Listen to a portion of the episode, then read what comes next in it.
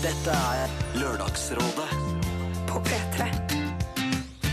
P3. God morgen, du hører på eh, Lørdagsrådet, som i dag består av høydepunkter fra våren 2015. Du og de fleste andre her til lands har ferie, men problemer de tar ikke ferie, og derfor kan vi heller ikke gi løsningene en ferie. Vi er her fram til klokken tolv, på en måte. Det vil si at du altså får høre eh, problemer vi har hatt denne sesongen. Du vil også møte ganske mange ulike rådgivere nå fram mot eh, klokken tolv, og så håper jeg du koser deg med det. P3. Lørdagsrådet På P3. Du hører på høydepunkter fra Lørdagsrådet, og nå er det Else Kåss Furuseth, Hasse Hope og Håvard Lilleheie som er eh, rådgivertrio. P3 Eh, Hei, jeg ønsker å være anonym, men dere kan godt kalle meg André, så da gjør vi det. Mitt problem er at jeg er forelsket i søsteren til min samboer. Litt om meg og min samboer. Jeg er en mann som har samboer kjæreste, eh, som jeg har fått barn med. Jeg og min samboer har hatt store problemer i forholdet vårt, og flere ganger har det nesten blitt slutt. Men jeg har ikke lyst til å gå fra henne fordi jeg har et barn med henne, og jeg har ikke samvittighet til å gjøre det slutt eh, for, på grunn av barnet. Vi har kjøpte oss en helt nybygd eh, leilighet for en stund siden, og dette gjorde jeg fordi jeg ønsket å ha felles interesser og kanskje få et bedre forhold oss imellom. Men det har ikke fungert, og vi har splittet oss enda mer. Nå har det gått så langt at jeg ikke lenger føler at vi i det hele tatt er kjærester, men at vi bare bor sammen. Litt om eh, mitt syn på søstera, da. Hun er en jente som jeg har kommet veldig godt overens med. Helt siden jeg møtte henne første gang. Jeg har alltid syntes hun har vært pen, og da hun fortalte meg at hun var forelsket i meg, ble mine følelser for henne mye sterkere.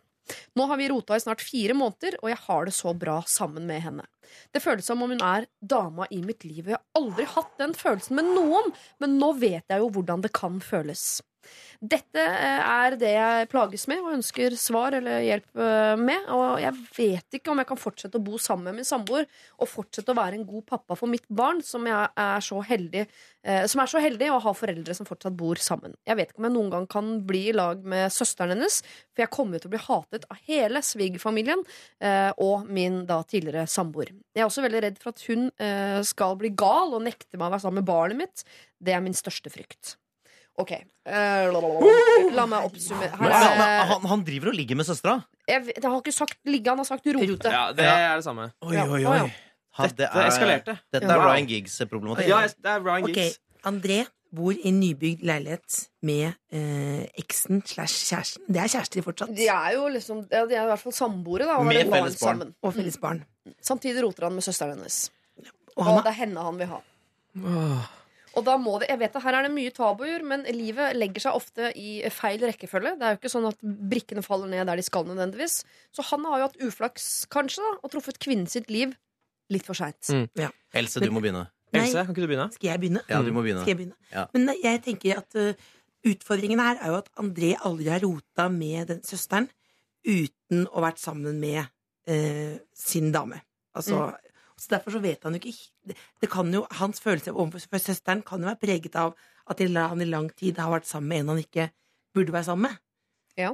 Så det er jo, jeg får en sånn uro om at dersom han slår opp, så er det ikke sikkert han vil føle det samme for søsteren. Nå Det er- hopper jeg kanskje rett inn i det, men jeg tenker at det kan være et problem. da, Umiddelbart.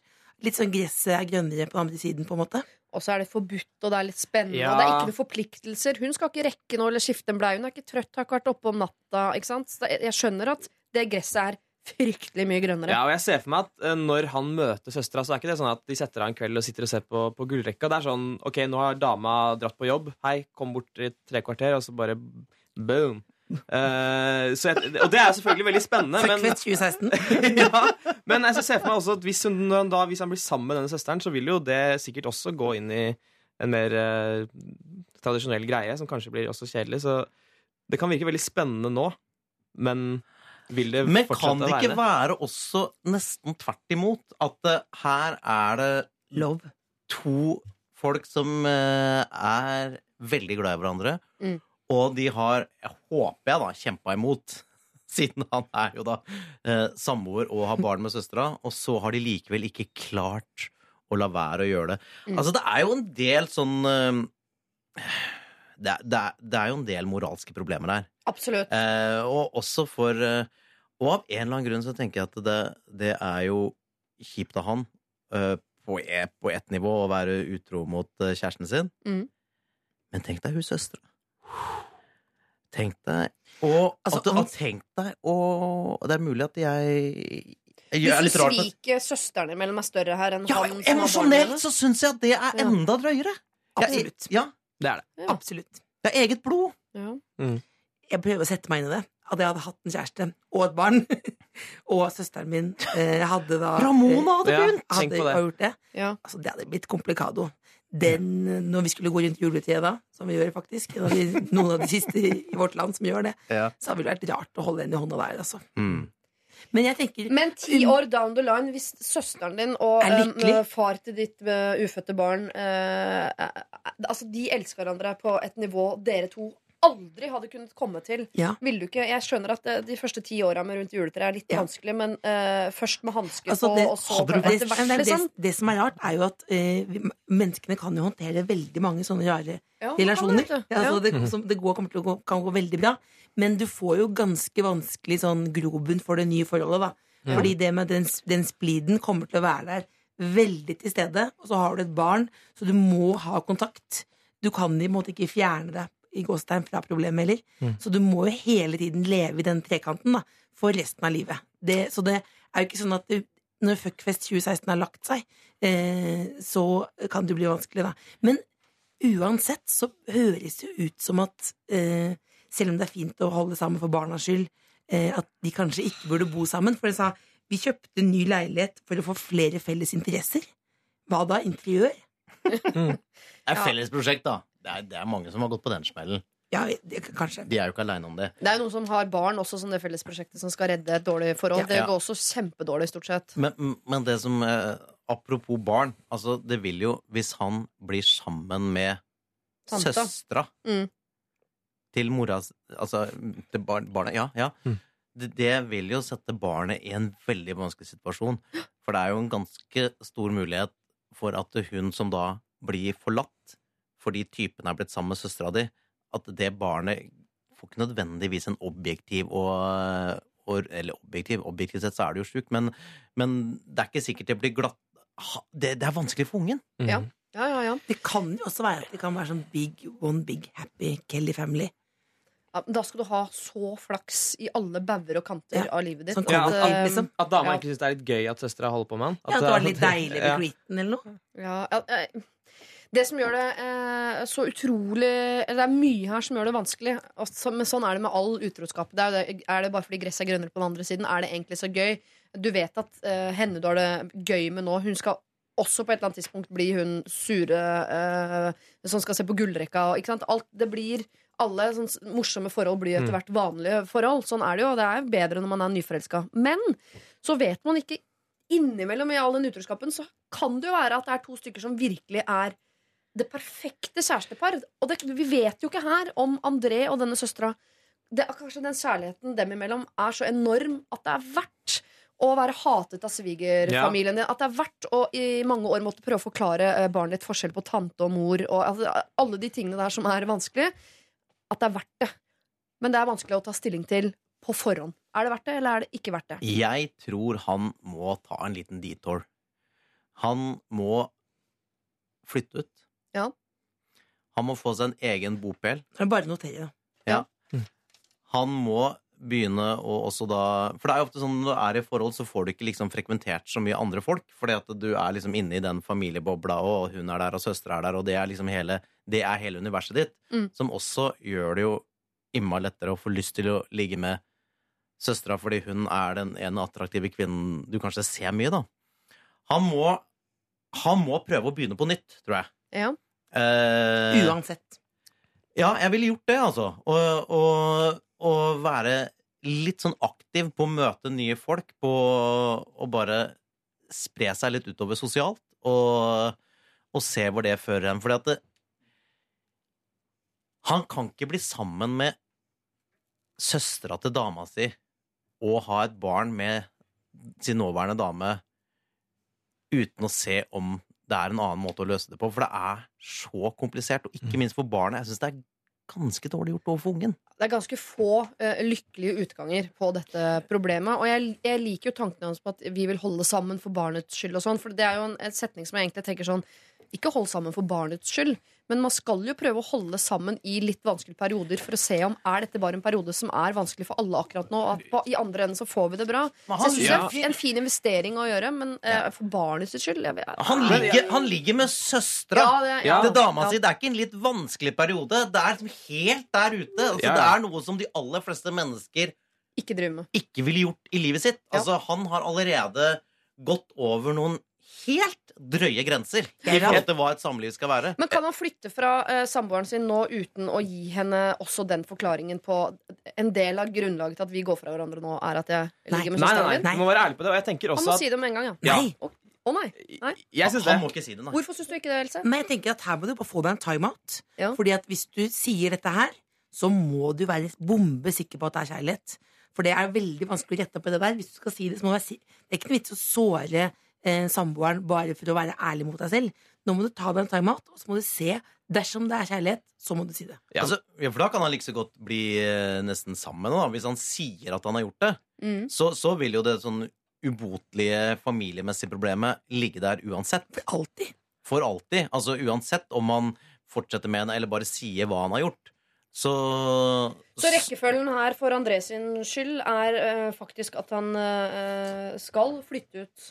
Eh, Ta seg en timeout, eh, utvide horisontene sine litt. Ja. Ta en runde på om denne, dette han tror er ekte kjærlighet, virkelig er det. Og hvis det er sånn etter en stund at han fortsatt tenker at denne søsteren er kvinne hans liv, eh, at det er verdt å bli hatet av svigerfamilien, at det er verdt å ha forklaringsproblem overfor barnet i, i lang tid, at du må bruke kanskje ti år med å krype, legge deg flat, si unnskyld, være liksom på bjudarsiden overfor din eks og hennes familie og barnet barn og alt. Hvis, alt, hvis alt det der på en måte er greit, eh, ja, så er kjærligheten til eh, søstera stor nok til at dere to kan være sammen. Og være aktiv med å møte andre folk når han tar timeouten. Altså se at det er flere Ja. folk og Titt i butikkvinduene. Mm. André, første omgang nå så trenger du en uh, timeout. Du trenger litt tid for deg selv, og da mener vi for deg selv. Ikke på en måte uh, skru opp volumet på Fuckfest 2016. Uh, eh, ta en liten pause. Se deg om i samfunnet. hva, hva, er, hva er livet mitt egentlig? Og så videre. Ta en runde på det der. Og så kan du begynne å rydde opp i hva som er viktig for deg, hva som er eh, riktig vei å gå, hvor ligger kjærligheten, osv. Det finner du ikke ut av i det merkelige redet du nå har surra deg opp i. Jeg vil gjerne ha filmrettigheten til problemet. Det, akkurat det, det er her har faktisk nettopp noe skjedd i Kardashians også. At det er noe roting fram og tilbake sånn der. Ja. Er det sånn? Rob eh, ja, ligger med eh, ja, Er dette også en spoiler, likhet med Jeg folk ut? Rob lig, ligger med eksen til typen til Kylie. Ikke lett. Dette er helt uh, tilfeldige navn eh, for meg, men det er sikkert kjempespennende for dere som har fulgt med på serien. Våkne opp, Um, da. Opp, da. Men dette er jo enda verre enn det. Dette er verre. Og det er eh, hjemme, og det er i Norge, Ja. og da blir alt mye verre. Og i det hele tatt. Dette er Lørdagsrådet På P3. P3. Du får høydepunkter fra Lørdagsrådet, og nå er det Sigrid Bonde Tusvik som er rådgiver, sammen med Kave og Hans Olav Brenner. P3. Hei, Lørdagsrådet. I høst møtte jeg en gutt, og først tenkte jeg ikke så mye på det. Men siden vi i det siste har begynt å treffes mer gjennom en felles hobby, har jeg lagt merke til følelser som, jeg, som ikke burde være der, fordi jeg har allerede type. Typen min er i militæret, og for øyeblikket er det eh, veldig lenge siden jeg har sett han, og det er en stund til jeg ser han igjen. Vi har vært sammen eh, ganske lenge, i flere år, og vi har det fint sammen. Og vi har snakket om å flytte sammen og kjøpe hus og hele den pakka der. Og vi har til og med barnenavnet klart. Det er mer enn vi kan si for deg, Sigrid Bonde. Men så er det denne fyren, da, Mr. X, som kommer inn i det ellers så kjedelige følelseslivet mitt og snur alt på hodet. Det kribler i magen når det bare er oss to i bilen, og praten går så lett og fint. Det er akkurat den samme følelsen jeg hadde da jeg møtte kjæresten min. Jeg får plutselig lyst til å gjøre meg fin for han og ha på sminken, jeg vet at jeg har en sjanse til å se han. Jeg prøver å vise det, bare være meg selv og være grei samtidig, men så, i forrige uke, hadde jeg min første virkelige våte drøm. Hashtag kleint på radio. Og da kan jeg hilse å si hashtag kleint å lese det på radio også, hvis det er noe trøst. Eh, og det var ikke om typen, for å si det sånn. To dager senere skulle jeg og Mr. X kjøre bil i to timer, bare vi to, og stoppe for middag på veien. Jeg gliste på innsiden. Typen min syns jeg er toppen. Han er egentlig den beste vennen min også. Jeg kan si, at, uh, si alt jeg har på hjertet til han, og jeg vet han hører på meg og tar meg seriøst. Lenge har jeg tenkt at han er den eneste for meg, men er han det? Jeg er redd for å miste en person som jeg har så mye kjemi med, for tenk om jeg aldri finner det samme? Men hva om jeg gjør det, da? Hva om jeg har like god kjemi med Mr. X? Skal det å elske noen gå over til å bli så normalt at man ikke kjenner det lenger? Jeg husker jeg var forelsket i han, og det eh, sakte gikk over til kjærlighet. Men når det også forsvinner, skal jeg bare henge med likevel? Kommer det tilbake når han kommer hjem eh, på perm, eller er det borte for alltid? Skal jeg slå opp med kjæresten min, som jeg har vært sammen med så eh, lenge, etter en person som jeg ikke aner om gjengjelder mine følelser, eller skal jeg fortsette å dytte disse følelsene langt, langt, langt ned i magen? Eller skal jeg snakke med Mr. X om det jeg føler, eventuelt? Skal jeg slå opp med typen, eller skal jeg ødelegge vennskapet jeg har med Mr. X? Og Åh, jeg skal melde meg ut av denne hobbyen vi har felles? Åh, lykke til, og hilsen fra Jeanette. Altså Hun ønsker seg selv lykke til etter å ha gitt seg selv veldig veldig mange løsninger på dette eh, betente problemet. Dere skal få litt betenkningstid, eh, folkens, på dette. For her er det jo eh, både x-er og y-er, spør du meg, og alle må rett og slett ivaretas for at ikke bare eh, denne Jeanette skal være lykkelig. Men vi vil at kjæresten skal være lykkelig, vi vil at Mr. X skal være hyggelig. Så tenk litt eh, på det. P3. Eh, Vi skal jo hjelpe Jeanette. Eh, Husker dere Jeanette? Hun har en kjæreste hun, som er i militæret. Ser han ikke så ofte, men de har vært sammen lenge og har planlagt framtida. Så har hun nå fått seg en hobby, og i den hobbyen så fins det en annen fyr, Mr. X, som får altså blodet hennes til å uh, pumpe. Eh, og lurer på eh, hva gjør hun nå. Skal hun si det til kjæresten? Eh, nei, ikke si det til kjæresten, det har hun ikke foreslått. Så det må i så fall dere foreslå. Skal hun si noe til Mr. X? Skal hun slå opp med kjæresten? Skal hun bare hoppe videre? Eller skal hun sitte rolig i båten? Og så videre. Eh, Sigrid? Ja, jeg syns dette er vanskelig, fordi jeg mener jo ofte at hvis Jeg hadde jo også en kjæreste som var i militæret, og det ble slutt, og jeg elsket jo han veldig, veldig høyt. Det ble slutt, og sånn det liksom Og der også mista vi litt sånn kjærligheten, eller den der intense kjærligheten. Ja. Som, men vi var kjempegode venner, og jeg digget jo han. Og det som er da problemet, tror jeg, er liksom hvis du er veldig sånn hjemmekjær, og du har planlagt hus og barn og sånn. Det er veldig riktig, mener jeg. da Man skal alltid ha en kjæreste man planlegger hus og barn med. Uansett. Alder, liksom? det, ja, uansett alder. Men, og man burde kanskje vite litt inni hjertet sitt at kanskje Man skal jo leve lenge, og hun Jeg regner med at kanskje hun er 20-22-23, kanskje. Ja. Eller 20, Ja, da, for er han er i militæret. Og da eh, føler jeg liksom at hun må leve litt, hun òg. Og man kan vokse litt fra hverandre. Og Du tenker at du skal er- prøve flere hester, rett og slett? Ja, hun og- og man kan faktisk finne tilbake til vennskap med da kjæresten og være kompis resten av livet etterpå. Ja. Eh, som jeg er med mine ekser, og det syns jeg er veldig hyggelig.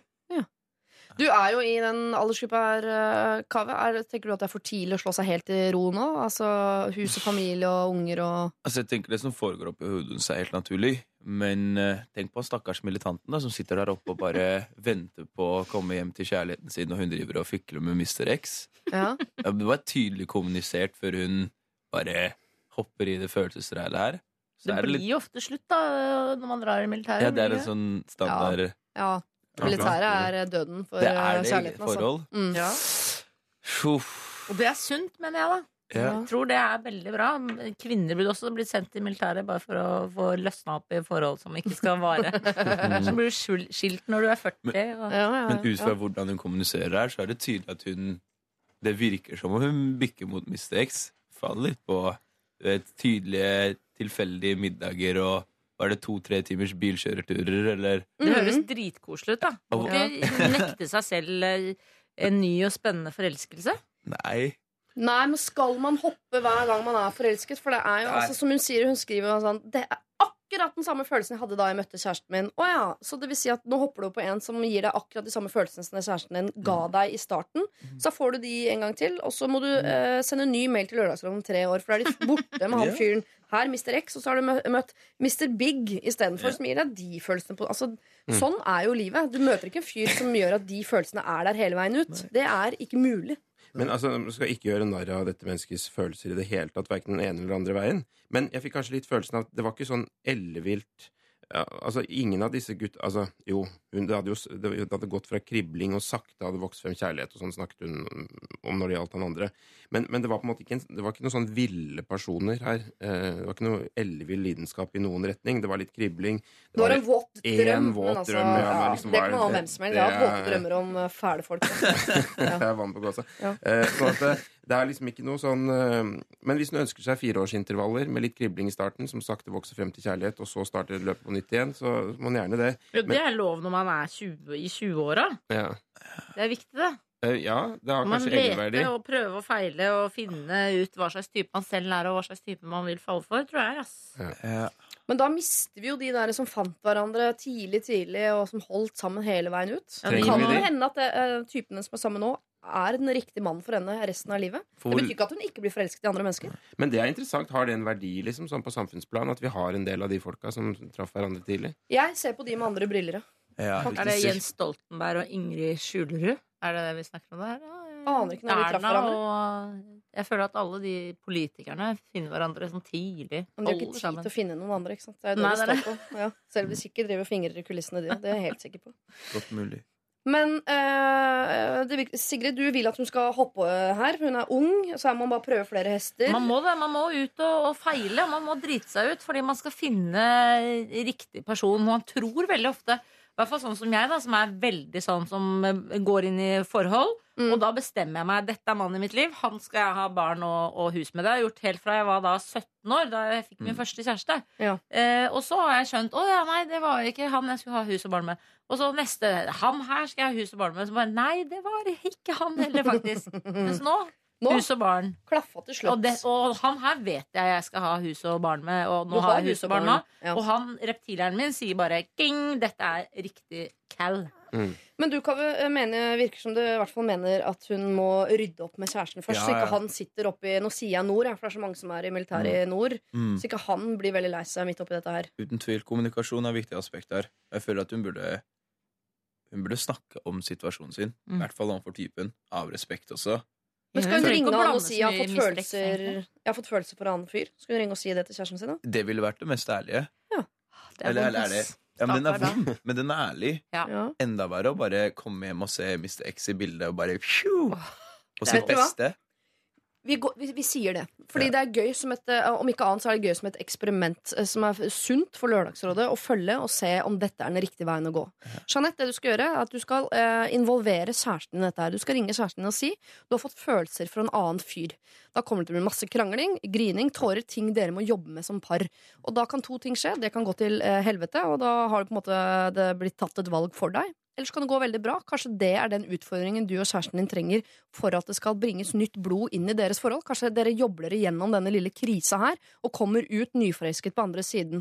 Og uansett så sitter du på en måte igjen uten å måtte ta hele valget alene, for det er det du sliter med. Du har jo masse, masse eksempler på hva du kan gjøre, men du klarer ikke å velge. Nå velger jeg at du involverer typen, er ærlig med han på at du har følelser for en annen, og så må dere finne ut sammen hva veien videre blir. Så er dere i hvert fall to om å ta dette valget. Dette er Dette galskap. Ja, men galskap? Ja. Vi følger Kave og Siri nå. Ja, nå følger vi Kave og Siri. Nå følger vi ærligheten, og uh, vi- følger denne stien her nå, Jeanette. Jeg jo bare følge opp dette her. Du må sende meg mail fortløpende på hva typen sier. øh, Hvor er dere nå? Er det krangling, grining, er det makeup-sex? Hvordan ligger dere an eh, per nå? Nei, det kan gå kjempebra. Det kan gå så bra. Og uansett så ender du opp enten med kjæresten din eller med Ingen. Mr. X eller med en fyr du ikke har møtt engang. så kanskje enda bedre enn de to til sammen. Dette er superspennende, Jeanette. Lykke til. P3 For en uke siden så eh, var Hans Majestet eh, Olav Brenner rådgiver sammen med Kave og eh, Sigrid Bonde Tustevik. Da fikk vi en mail fra Jeanette som eh, var usikker på om hun skulle gjøre det slutt med typen sin. Hun hadde blitt forelsket i en annen eh, fyr, Mr. X som hun kalte han, og hadde begynt å gradvis miste følelsene for typen sin. Hun var litt i stuss på hva hun skulle gjøre. Eh, vi tok en runde på det alle sammen, og etter å ha vært litt fram og tilbake, så kom vi fram til blant annet eh, dette. P3. Hun må leve litt, hun òg. Og man kan vokse litt fra hverandre. Og Du tenker at hun skal er- prøve flere hester, rett og slett? Ja, før hun og- slår seg til ro? Og man kan faktisk finne tilbake til vennskap med da kjæresten og være kompiser resten av livet etterpå. Ja. Eh, som jeg er med mine ekser, og det syns jeg er veldig hyggelig. Det virker som om hun bikker mot Mr. X. Faller på vet, tydelige, tilfeldige middager og var det to-tre timers bilkjøreturer, eller Det Mhm. høres dritkoselig ut, da. Ja. ikke nekte seg selv eh, Men hvis hun ønsker seg fireårsintervaller med litt kribling i starten, som sakte vokser frem til kjærlighet, og så starter løpet på nytt igjen, så må hun gjerne det. Jo, det er lov når man er 20, i 20-åra. Ja. Jeg føler at hun burde hun burde snakke om situasjonen sin. I hvert fall overfor typen. Av respekt også. Dette er Lørdagsrådet På P3. P3. Det var altså noen av rådene Jeanette fikk i forhold til om hun skulle gjøre det slutt med sin kjæreste eller ikke. Men i løpet av eh, sendingen, altså før klokken tolv forrige lørdag, så fikk vi en ny mail fra Jeanette, hvor hun jo skrev at hun hadde bestemt seg for å snakke med typen sin når hun hentet ham på flyplassen. Eh, hun hadde bestemt seg for å gjøre det slutt med han, men hun hadde også bestemt seg for å ikke gjøre det slutt på telefonen av respekt for eh, han. Eh, og det er jo hyggelig det, tenkte vi, at du allerede nå har på en måte bestemt deg for hva du skal eh, gjøre. Men så har vi fått nå ytterligere en mail i uken som har gått fra denne Jeanette, hvor det nå står. Det ble litt forandring i planene siden han ringte i kveld. Han sa jeg ikke trengte å hente han på flyplassen, så jeg bestemte meg for å slå opp med han der og da. Han tok det kjempebra. Jeg tror han hadde en liten følelse på det allerede, og han gjettet til og med det med Mr. X. Vi skal møtes i påsken for en liten prat, og jeg har på følelsen av at vi kommer til å være gode venner.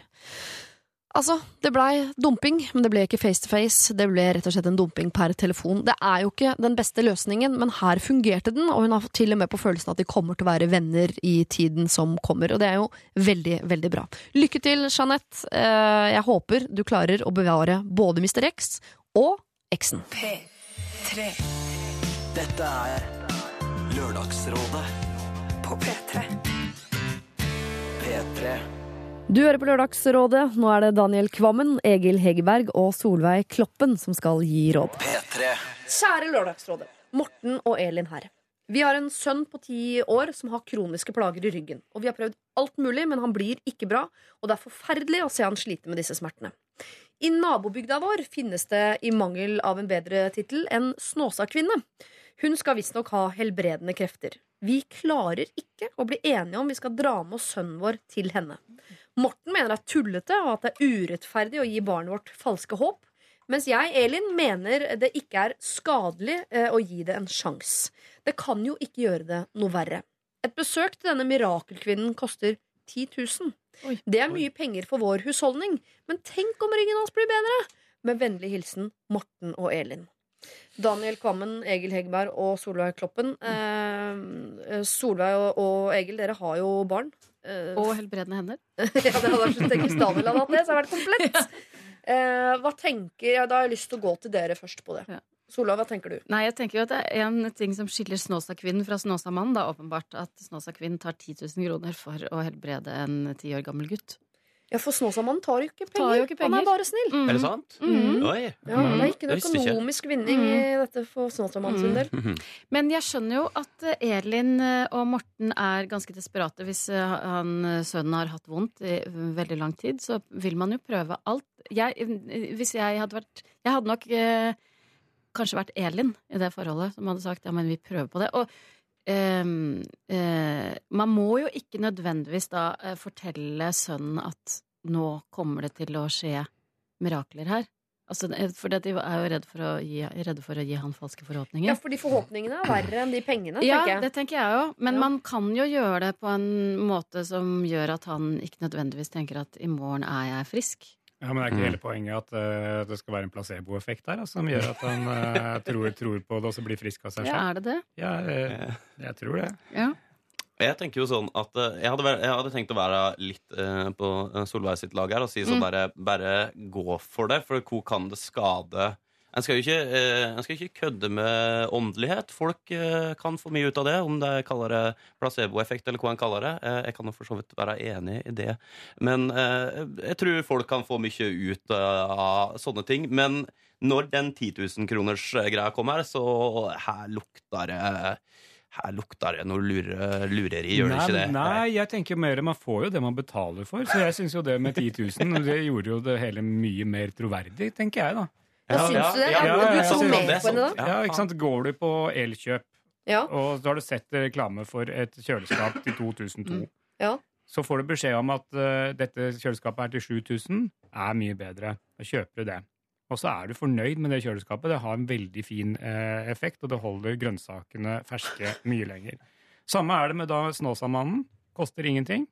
funker greit. Mhm. Men hun snåsakvinnen her, 10 000 spenn. Det funker Det er som oppgradert faen. modell av Det er, ja, ja. Men på Elkjøp er det jo da sånn at hvis de grønnsakene blir visne, eh, så kan det jo gå tilbake og få Kan man gå tilbake med grønnsakene sine til Elkjøp? Ja, de tar du til Kiwi, og så tar du kjøleskapet til Elkjøp. Kjøleskapet Ja. kan du da ta.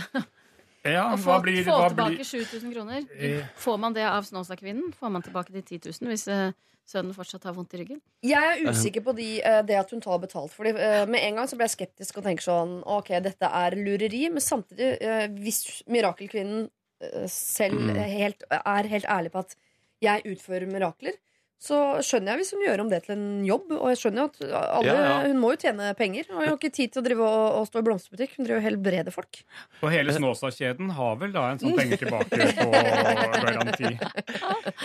Men sånn, øh, jeg synes, øh, det, det er så mange sånne faktorer som jeg ikke vet om her. Da. Altså, hvor mange behandlinger er det snakk om? Og sånn, så 10 000 høres ut som mye penger, ikke sant? men er det snakk om flere sånn jevnlige behandlinger? Hvor, hvor mye betyr det her for uh, Nå fikk vi noen navn på familien. Um, Morten og Elin er foreldrene. Ellen, øh, ja, Hvor betyr det for deg økonomisk? Hvis det ikke betyr så mye sånn De sa det, de sa det betydde ganske mye. Det er mye penger for husholdningen. eh, mye penger for husholdningen. Åh, det er vanskelig, da. Uh, det her var veldig vanskelig. Men det er ikke ikke men- mye penger for at sønnen skal bli frisk. Nei, kanskje jeg bare Så skal man- gå for det? Sånn der bare for å prøve? Ja, men For de kan ikke snakke med Snåsakvinnen og si Altså, For oss er 10 000 kroner veldig veldig mye penger. Kan du betale mye mindre? Hvis to Hvis- Nei, hvis det- hvis- men hvis det, hvis det ikke fungerer Jo, men hvis hun, hvis, hvis hun ikke er redelig, så er jo ikke der hun liksom setter ned foten. Hun er, da har hun gått ganske langt i sitt uh, Altså, Vi må starte med dette i utgangspunktet og ta 10 000 kroner for noe som Nå sier ikke jeg at Snåsa-kvinna driver uh, med, med lureri her, men hvis hun gjør det, så Ja. har hun gått ganske langt når hun starta og ba om 10 000 kroner. Ja, men- Så jeg tror ikke det å si Det er ja, men jo, det her funka som bare faen, det. Eh, det tror ikke hun har noe imot. Det er litt utydelig for meg om dere tror på, uh, på sånn snåseri eller ikke. Skal vi ta en kjapp runde på det? Solveig, tror du på det? Jeg er tilbøyelig til å tro på snåseri. Ja. Mm -hmm. uh, Egil?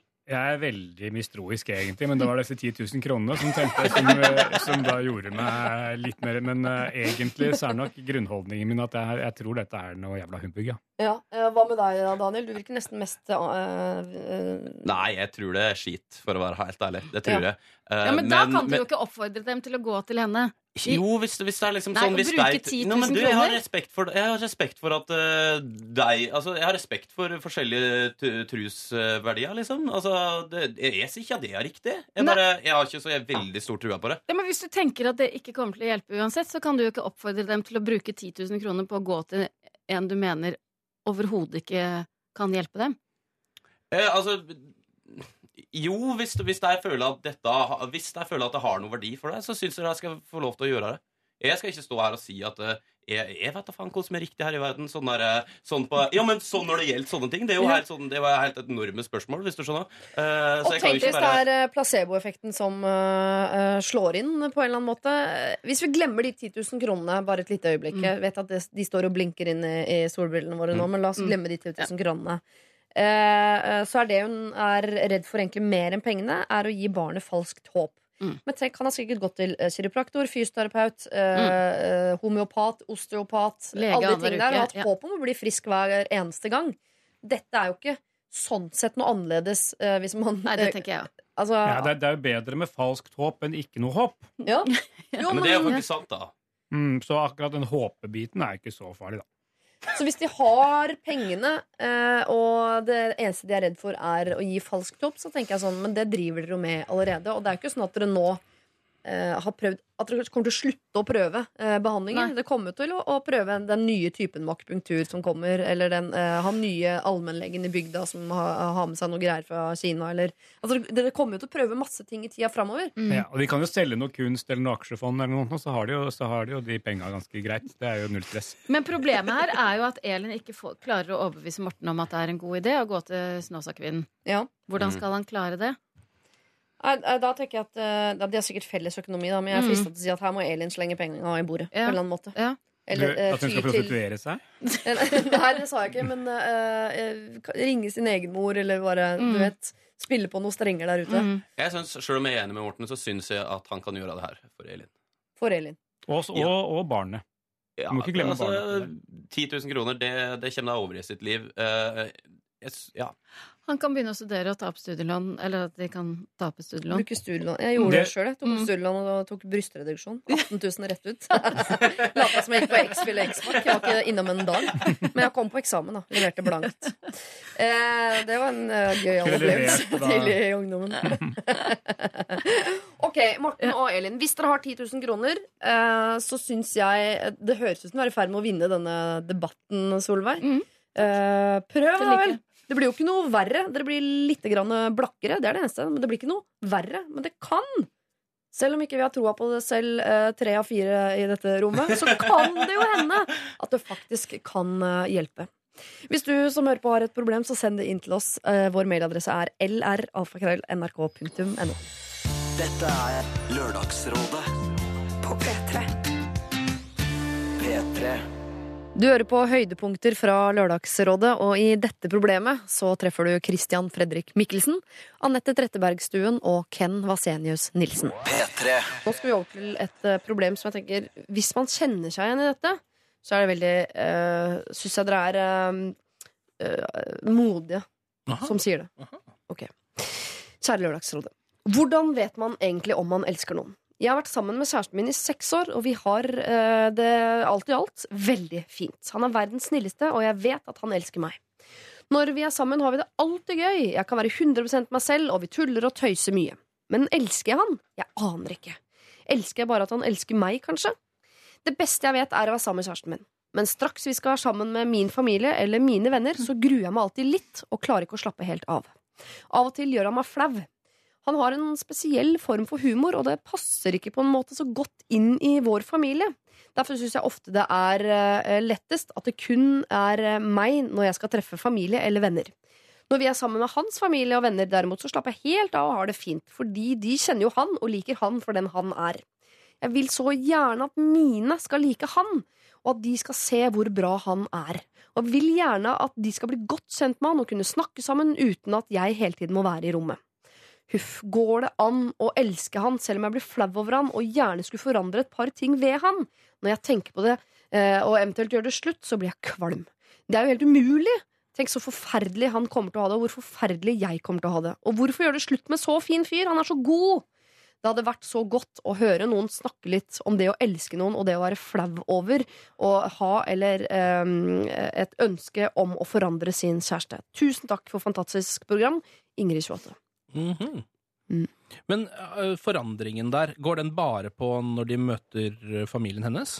Ja, hennes venner og hennes familie. Ja. Ikke hans. Nei, for der må man jo da øh, gjøre forskjell på familien din og deg selv. Altså, Ja. Hva er dine helt ekte følelser? Og de burde egentlig ikke familien din ha noe med å gjøre, tenker jeg. Sånn i utgangspunktet. Eh, hvis du faktisk, Det var noe om humor her. Ja. Hvis du faktisk egentlig liker den humoren, og du ler av den når dere bare er dere to, så liker du han åpenbart. Ja. Eh, da er det bare det at, eh, at familien din blir flau. Det, det er ikke noe du nødvendigvis trenger å ta hensyn til. Dette er jo litt, hvor, hvor gamle er de? Eh, 28 er hun. Det står ikke noe om noe aldersforskjell. Så det er det vel Ja, men dette er jo litt sånn klassisk, ikke sant? Eh, Det er jo ikke han det er noe feil med. Tvert imot så høres det ut som han er den perfekte fyren for henne. Det er ingenting galt i hennes øyne med den fyren. Men det er han i møte med resten av en, del av hennes liv. Mm. Egentlig bare familien hennes. Ja, Og vennene hennes. og, Vennene venn, hennes Det kan jeg skjønne at det er problematisk. Eh, Men, ehm, men eh, Og det er jo ikke, ikke bra å gå rundt og være flau over kjæresten sin i enkelte sammenhenger, men det er jo Det kan jo hende det er et eller annet med hennes venner og hennes familie som bare trenger å bli vant til hans humor, eh, bli kjent med han. Ja, jeg vet ikke hva slags råd jeg skal gi, men, men Men, ok, Hun kan jo Kjapt spørsmål som dere Ja. kan svare ja eller nei på. Skal han forandre seg, syns vi? Nei, hun kan aldri Nei. forandre han. Skal han forandre seg, så plutselig så hennes familie liker han, men da liker ikke hans familie hans venner han lenger? For Og han da er kanskje en ikke fyr. hun liker han lenger, eller? Ja, ja. Hun kommer ikke til å kunne forandre han, så det skal hun ikke gjøre. Hvis noen skal forandre seg, hvem skulle det vært i så fall? Um, Familien. familien. Eller hun? Kunne han- hun forandra seg på Ja. det der med å være Ja, flau nei, over, eller? ja, jeg tror det er nok um, kanskje litt der Det kan hende at det er der problemet ligger. Ja. Mm. De har vært sammen i seks år, da. Mm. Ja. Men jo har vi ikke alle hatt en kjæreste en gang som har hatt noen sånne sider som vi kanskje ikke var sånn, satt så stor pris på? Og Kanskje var litt sånn ja. Ja, men det er jo all, sånn, det gjelder jo øh, både familien din, vennene dine og også kjæresten din, at det fins jo ting man har lyst til å forandre på. Det det er- gjør det jo. Det er jo noe annet om eh, man vil forandre på at den personen eh, tygger jævla høyt, eller om den personen har feil humor eller liker andre bøker. Ja. Men det er ikke et problem for henne. Nei, Nei, det er et problem for henne. Men Men det noe- blir et problem for henne fordi det som er resultatet her, Mm. som hun jo så vidt nevner her, er at øh, når det foregår noe i hennes familie med hennes venner, så er ikke han med. Samtidig så ønsker hun at de skal lære å elske han og se det hun ser. Hvordan i aller huleste land og rike Ja, skal de forstå det når han ikke får lov å være med og leke? Nei, det høres veldig Og så må hun jo umulig også, ut. og så tror jeg at hun bare må akseptere at vi liker ikke alle de eh, samme personene like godt. Eh, og alle kommer ikke til å sette like stor pris på kjæresten hennes som det hun selv gjør. Det må hun leve med. Eh, men hun kan jo ikke drive og ekskludere ham fra å delta likevel. Så kanskje hun må stå litt opp for ham, da. Hun Ja. er sammen i seks år, elsker han, elsker å være sammen med han og liker den humoren sjøl. Jeg er ikke sikker på om hun elsker han. Det er jo det som er Nei, hovedproblemet her. i jo, hun spør om kan jeg elske han Altså, elsker han Hvordan når vet jeg er man egentlig om Ja. man elsker noen? Ja. Starter hun med. Og jeg synes det, er, øh, det er et fint spørsmål. Mm. Jeg skulle ønske jeg hadde svaret på det. Men jeg kan jo si sånn erfaringsmessig Jeg vet ikke hvor mange tusen mail jeg har lest fra øh, dere som sender inn til oss i Lørdagsrådet. Eh, øh, det har jeg ikke tall på. Men det er sjelden jeg syns noen beskriver kjæresten sin så positivt som det Ingrid gjør her. Hun Mm. sier så fine ting om kjæresten sin som nesten ingen andre gjør. De fleste skriver sånn 'Han er innmari hyggelig, men' Og så kommer det masse greier. Her, det er Nesten alt hun sier om han, høres helt Mm. De ler, tuller, tøyser masse sammen. Hun er 100% seg selv når de to er sammen. Og jeg mener, dette slår jeg ganske sånn uh, stort slag for, fordi det er viktig for meg. Hvis de to har det fint sammen, så er det det som er viktigst. Fordi 99% av livet så handler det om at de to skal være sammen. Så det må funke. Ja. Og så er det en bonus hvis det funker også med venner og familie. og det, Men det er en bonus. Hvis det er viktigst, så tenker jeg da ville jeg vært mer skeptisk til om hun elsker han. Helt enig. Og tenk på alle de som har en kjæreste som de syns er fantastisk, da, men som på en eller annen måte ikke funker med en eller annen venneklikk eller familie, men som gir blaffen i det og driter i det. Hun er jo opptatt av det. Kanskje hun, gjør det veld- hun gjør det veldig veldig vanskelig for han å være komfortabel og morsom og være seg selv og bli likt når hun er flau over han. Så er det et problem her. Dessverre så er det, så er det deg, Ingrid. Men kanskje burde, burde hun prøve da bare fase inn seg selv, da? I den, når han er seg selv sammen med hennes familie. At hun burde fase inn For hun er jo seg selv sammen med han. Ja. Og de har det veldig hyggelig. Så hvis, for hvis hun setter nesa i været da og plutselig ikke vil ta del i den humoren som de har hatt før, så blir jo det også rart. Så kanskje hun må bare prøve å være 10% mer seg selv hver gang de er med hennes eh, venner og familie. Ja, men jeg vil, like, vil, vil allikevel si at selv om hun forsøker, og dette problemet ikke løses, at hun føler seg litt ukomfortabel og bitte litt flau over han hver gang de er sammen med hennes familie og noen av hennes venner, så er det fortsatt en pris å betale hvis hun føler det sånn for en fyr og har det så fantastisk med han. Ja. Ja, det er Men det viktigste. hvordan Jeg bare vil at For her høres det ut som liksom, de har mer seg imellom enn veldig mange andre par, er mitt inntrykk. Eh, men det som ikke funker, er den sosiale biten på hennes side. Mm. Og det hadde vært fint hvis vi hadde kommet på på noen uh, grep på hvordan hun skal få det også til å fungere. Er det noen Er er det det ingen noen- av dere som har vært sammen med noen dere er flau over, eller har dere vært flaue eller ikke følt at dere kan være dere selv i en eller annen setting? Er det noen liksom, ting man kan gjøre der?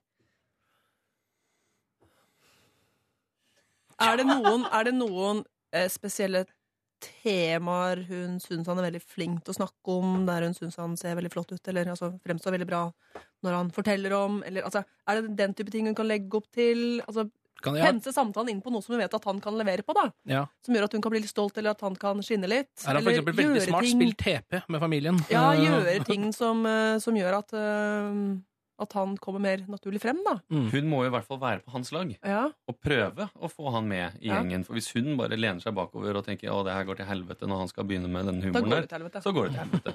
Ja. Hun må i hvert fall prøve å inkludere han og gi han en sjanse, og så da kanskje de andre kan like noen eh, sider ved han som de kanskje ikke trodde de likte. Kan det godt være at dette her også bare er i hennes hode, da? Eh, Det vet jeg ikke om å snakke med familien og vennene sine, men at det er bare hun som føler at Oi, nå passer han ikke helt inn, men at hos de andre vennene så tenker de han er en helt ålreit fyr. Ja. Han funker veldig godt her. Det er ikke noen problemer her, egentlig. Eh, Jeg kjenner jo igjen det selv, at jeg har jo mange venner som har um, kjærester som er helt annerledes enn dem. Um, og som Mm. når vi sitter rundt et bord, så kan jeg liksom se at Å ja, nå er du litt flau over kjæresten din som sa det. Det kan jeg se at Ja. det skjer. Mm. Men det er ikke sånn at jeg egentlig bryr meg noe om det selv. Men sant, det er da det blir flaut. Ja. Det er da det blir Ja. flaut, når man ser at kjæresten er flau. Ja. Så dette er en kjempejobb som Ingrid er, du Ingrid, er nødt til å gjøre dette her. Du må, slutte, du må være på hans lag, du må slutte å være flau. Og i- egentlig så er det jo det er deg familien og vennene først og fremst skal elske, og så skal de elske det valget du har tatt i Mm. kjærligheten. De må ikke elske han på samme måte som du gjør. Og kanskje han er en sånn fyr som er veldig morsom blant folk, da. Men det gjør Men ikke noe, det. Han er morsom ikke- sammen med deg. Trenger jo ikke bevise noen ting gjennom kjæresten sin. Nei. Nei. Så her, jeg tror dessverre kanskje at du, Ingrid, har litt dårlig selvtillit. Er det lov å, å Det kan hende. Det kan nok hende. Dere kan kan jo uh, Tenk dere åssen det er å ha med seg en uh, 45 år gammel lokfører inn i torsdag kveld fra Nydalen. Da. Tror dere han sitter og slår vitser som Elsker oss Furuseth og Sigrid Moen Tusvik, liksom? Nei, det gjør han ikke. Uh, men må vi han respektere at eh, det er mannen jeg elsker? Ja, det må de. Ja, hva gjør han? Han står han bare der? Ja, han står der mye. Ja. Og så tenker jeg at jeg må, at jeg må passe på og sånn. Det har jeg slutta med. Han klarer Ja. seg helt fint selv. Han er komfortabel, han. Men var du flau over det i starten? Ja, ja, det hender jeg er flau over det nå. Ja, ikke sant? Men det går helt fint. Blir ikke noe bedre av at han sitter hjemme og uh, rører grøten mens jeg er ute og Men, sammen men, Kåss ja, men liker de han allikevel? Det, men skal de gjøre? Ja. For jeg har, valgt, jeg har valgt han til meg. Jeg har ikke valgt han til oss. Nei, det er ikke et samarbeidsprosjekt. Nei. han er min. Dere liker meg. Dere skal like han. Men uh, vi må i hvert fall understreke det, at hun må holde på den fyren. Ja, han Ja. er helt fantastisk ut. Ja. Gratulerer Ja. med han, Ja. vil jeg si. Nå ble jeg litt engasjert.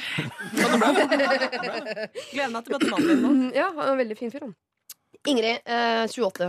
Du elsker han, det føler jeg meg ganske trygg på. Eh, Det du ikke elsker, er din egen usikkerhet på han i møte med dine venner.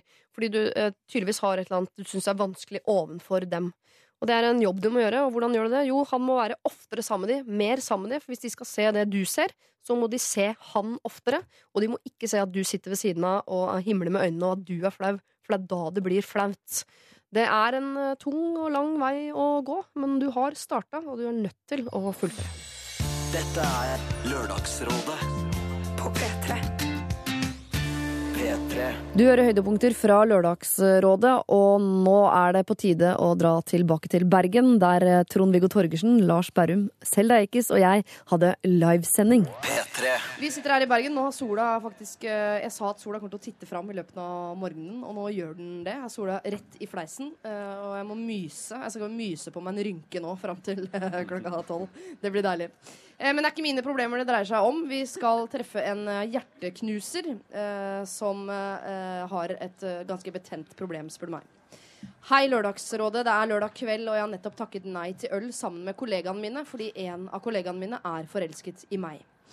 Fikk, eh, det fikk meg til å innse at jeg har et problem. Jeg skjønte at han var forelsket i meg allerede i høst. Mistanken om at han kanskje var mer enn bare hyggelig, ble bekreftet da jeg fikk et smykke og et veldig koselig kort av han til bursdagen min. Han har likevel aldri tatt opp direkte, og det har gjort meg usikker på hvordan jeg skal håndtere det. Det har vel egentlig bare blitt til at jeg har begynt å trekke meg unna han. Jeg svarer kort på meldinger og tar ikke like mye direkte kontakt med han på jobb som tidligere. Jeg klarer ikke lenger å ha det gøy sammen med han, fordi jeg hele tiden føler at jeg gir han forhåpninger, og at jeg deretter må avvise han igjen. Nå har dette pågått i et halvt år, og min strategi om å trekke meg unna fungerer tydeligvis ikke. Han er fortsatt like på. Dette førte derfor til min avgjørelse i kveld om at det var lettere å svikte alle mine kollegaer ved å ikke møte opp, enn å sitte der en hel kveld og avvise hans hjertelige forsøk på å sjarmere meg igjen og igjen. Jeg har aldri vært tiltrukket av han og kommer aldri til å se på han som noe annet enn en hyggelig kollega og en venn. Han er ikke min type. Han, er, han har rett og slett ikke sjans. Så hva skal jeg gjøre, da? Å skulle ta dette opp med han syns jeg er kjempevanskelig. Det vil sannsynligvis ikke gjøre stemninga mellom oss noe lettere heller. Samtidig er det synd at jeg nå dropper sosiale sammenkomster på jobben fordi jeg ikke lenger orker å forholde meg til han. Hilsen hjerteknuseren jente 25. Hvorfor eh, eh, Jeg spør deg, Selja, hvorfor syns vi det er så vanskelig For jeg bare går ut fra at du også har opplevd dette. Mange ganger. Eh, at noen er forelska i deg når du ikke er forelska tilbake. Ja. Hvorfor er det så vanskelig? Det er eh, mest eh, motsatt oftest. Men jeg tror det handler om at man syns det er litt sånn Man har jo ikke lyst til å liksom um, være kjip mot noen, rett og slett. Men samtidig så er det ganske dårlig oppførsel å være liksom avvisende uten liksom på en sånn ufin måte. da, som det er sånn, ja, Hvis han kommer bort, og så bare går du vekk, f.eks. Det er sånn fjortisoppførsel. Um, det er kroppslig hinting, da. Ja, det er det man ja, driver med. Nå kropps- hinter jeg med kroppen min om at jeg ikke er interessert. Ta Det det hintet snart. Jeg tror det er en veldig sånn dyrisk måte å hinte om ting på. Jeg tror det er viktigere at hun kommer seg over den derre Men han er like fjortis. Han, er- han snakker jo ikke med eh, hun, han heller. Han bare gir smykke. Ja, men her, på jeg har aldri, sånn, «Øy, det er jo aldri fått smykke til bursdagen min. Gustav. Men eh, nei. Jo, men sjenerte og introverte og folk som ikke på en måte er eh, sjekkekunstnere, som jeg eh, anbefaler ingen å være. Det er det mest motbydelige jeg eh, vet om hos menn. Eh. Sjekkeartister. Jeg hater dere alle sammen. Eh, Har du vært på kurs? Men de må få lov til å gi. Sjosj. Beklager. Ja. De må få lov til å gi smykker og kort hvis ikke de tør å gå bort og si sånn Hallo, frøken, har jeg ikke sett deg her før, ja? Det er ikke alle som har den inne. Da må Er det være den lov som sjarmerer? Da har jeg gått på den hver gang. Ja. Bretter rett ut. Men eh, da må det være lov å gi smykke og kort og hinte og bare være litt sånn eh, hyggelig over tid og håpe at det bærer frukter. Det må være lov. Eller? Nei. Jo, Nei, jeg syns at det er, jeg synes det er litt sånn Det er litt creepy. Du har en, det er en jobbkollega eh, som kanskje ikke sitter i samme kontor som deg engang. Kanskje etasjen over altså Det vet ikke jeg, men så begynner han sånn sånn 'Gratulerer med dagen', da. Her. Og så kommer det kort og et smykke. Og så har han liksom Men- ikke Du har ikke ensa at han har snakket Du bare 'Å ja, jøss. Hva er dette for noe?' Og så sier han ikke noe mer.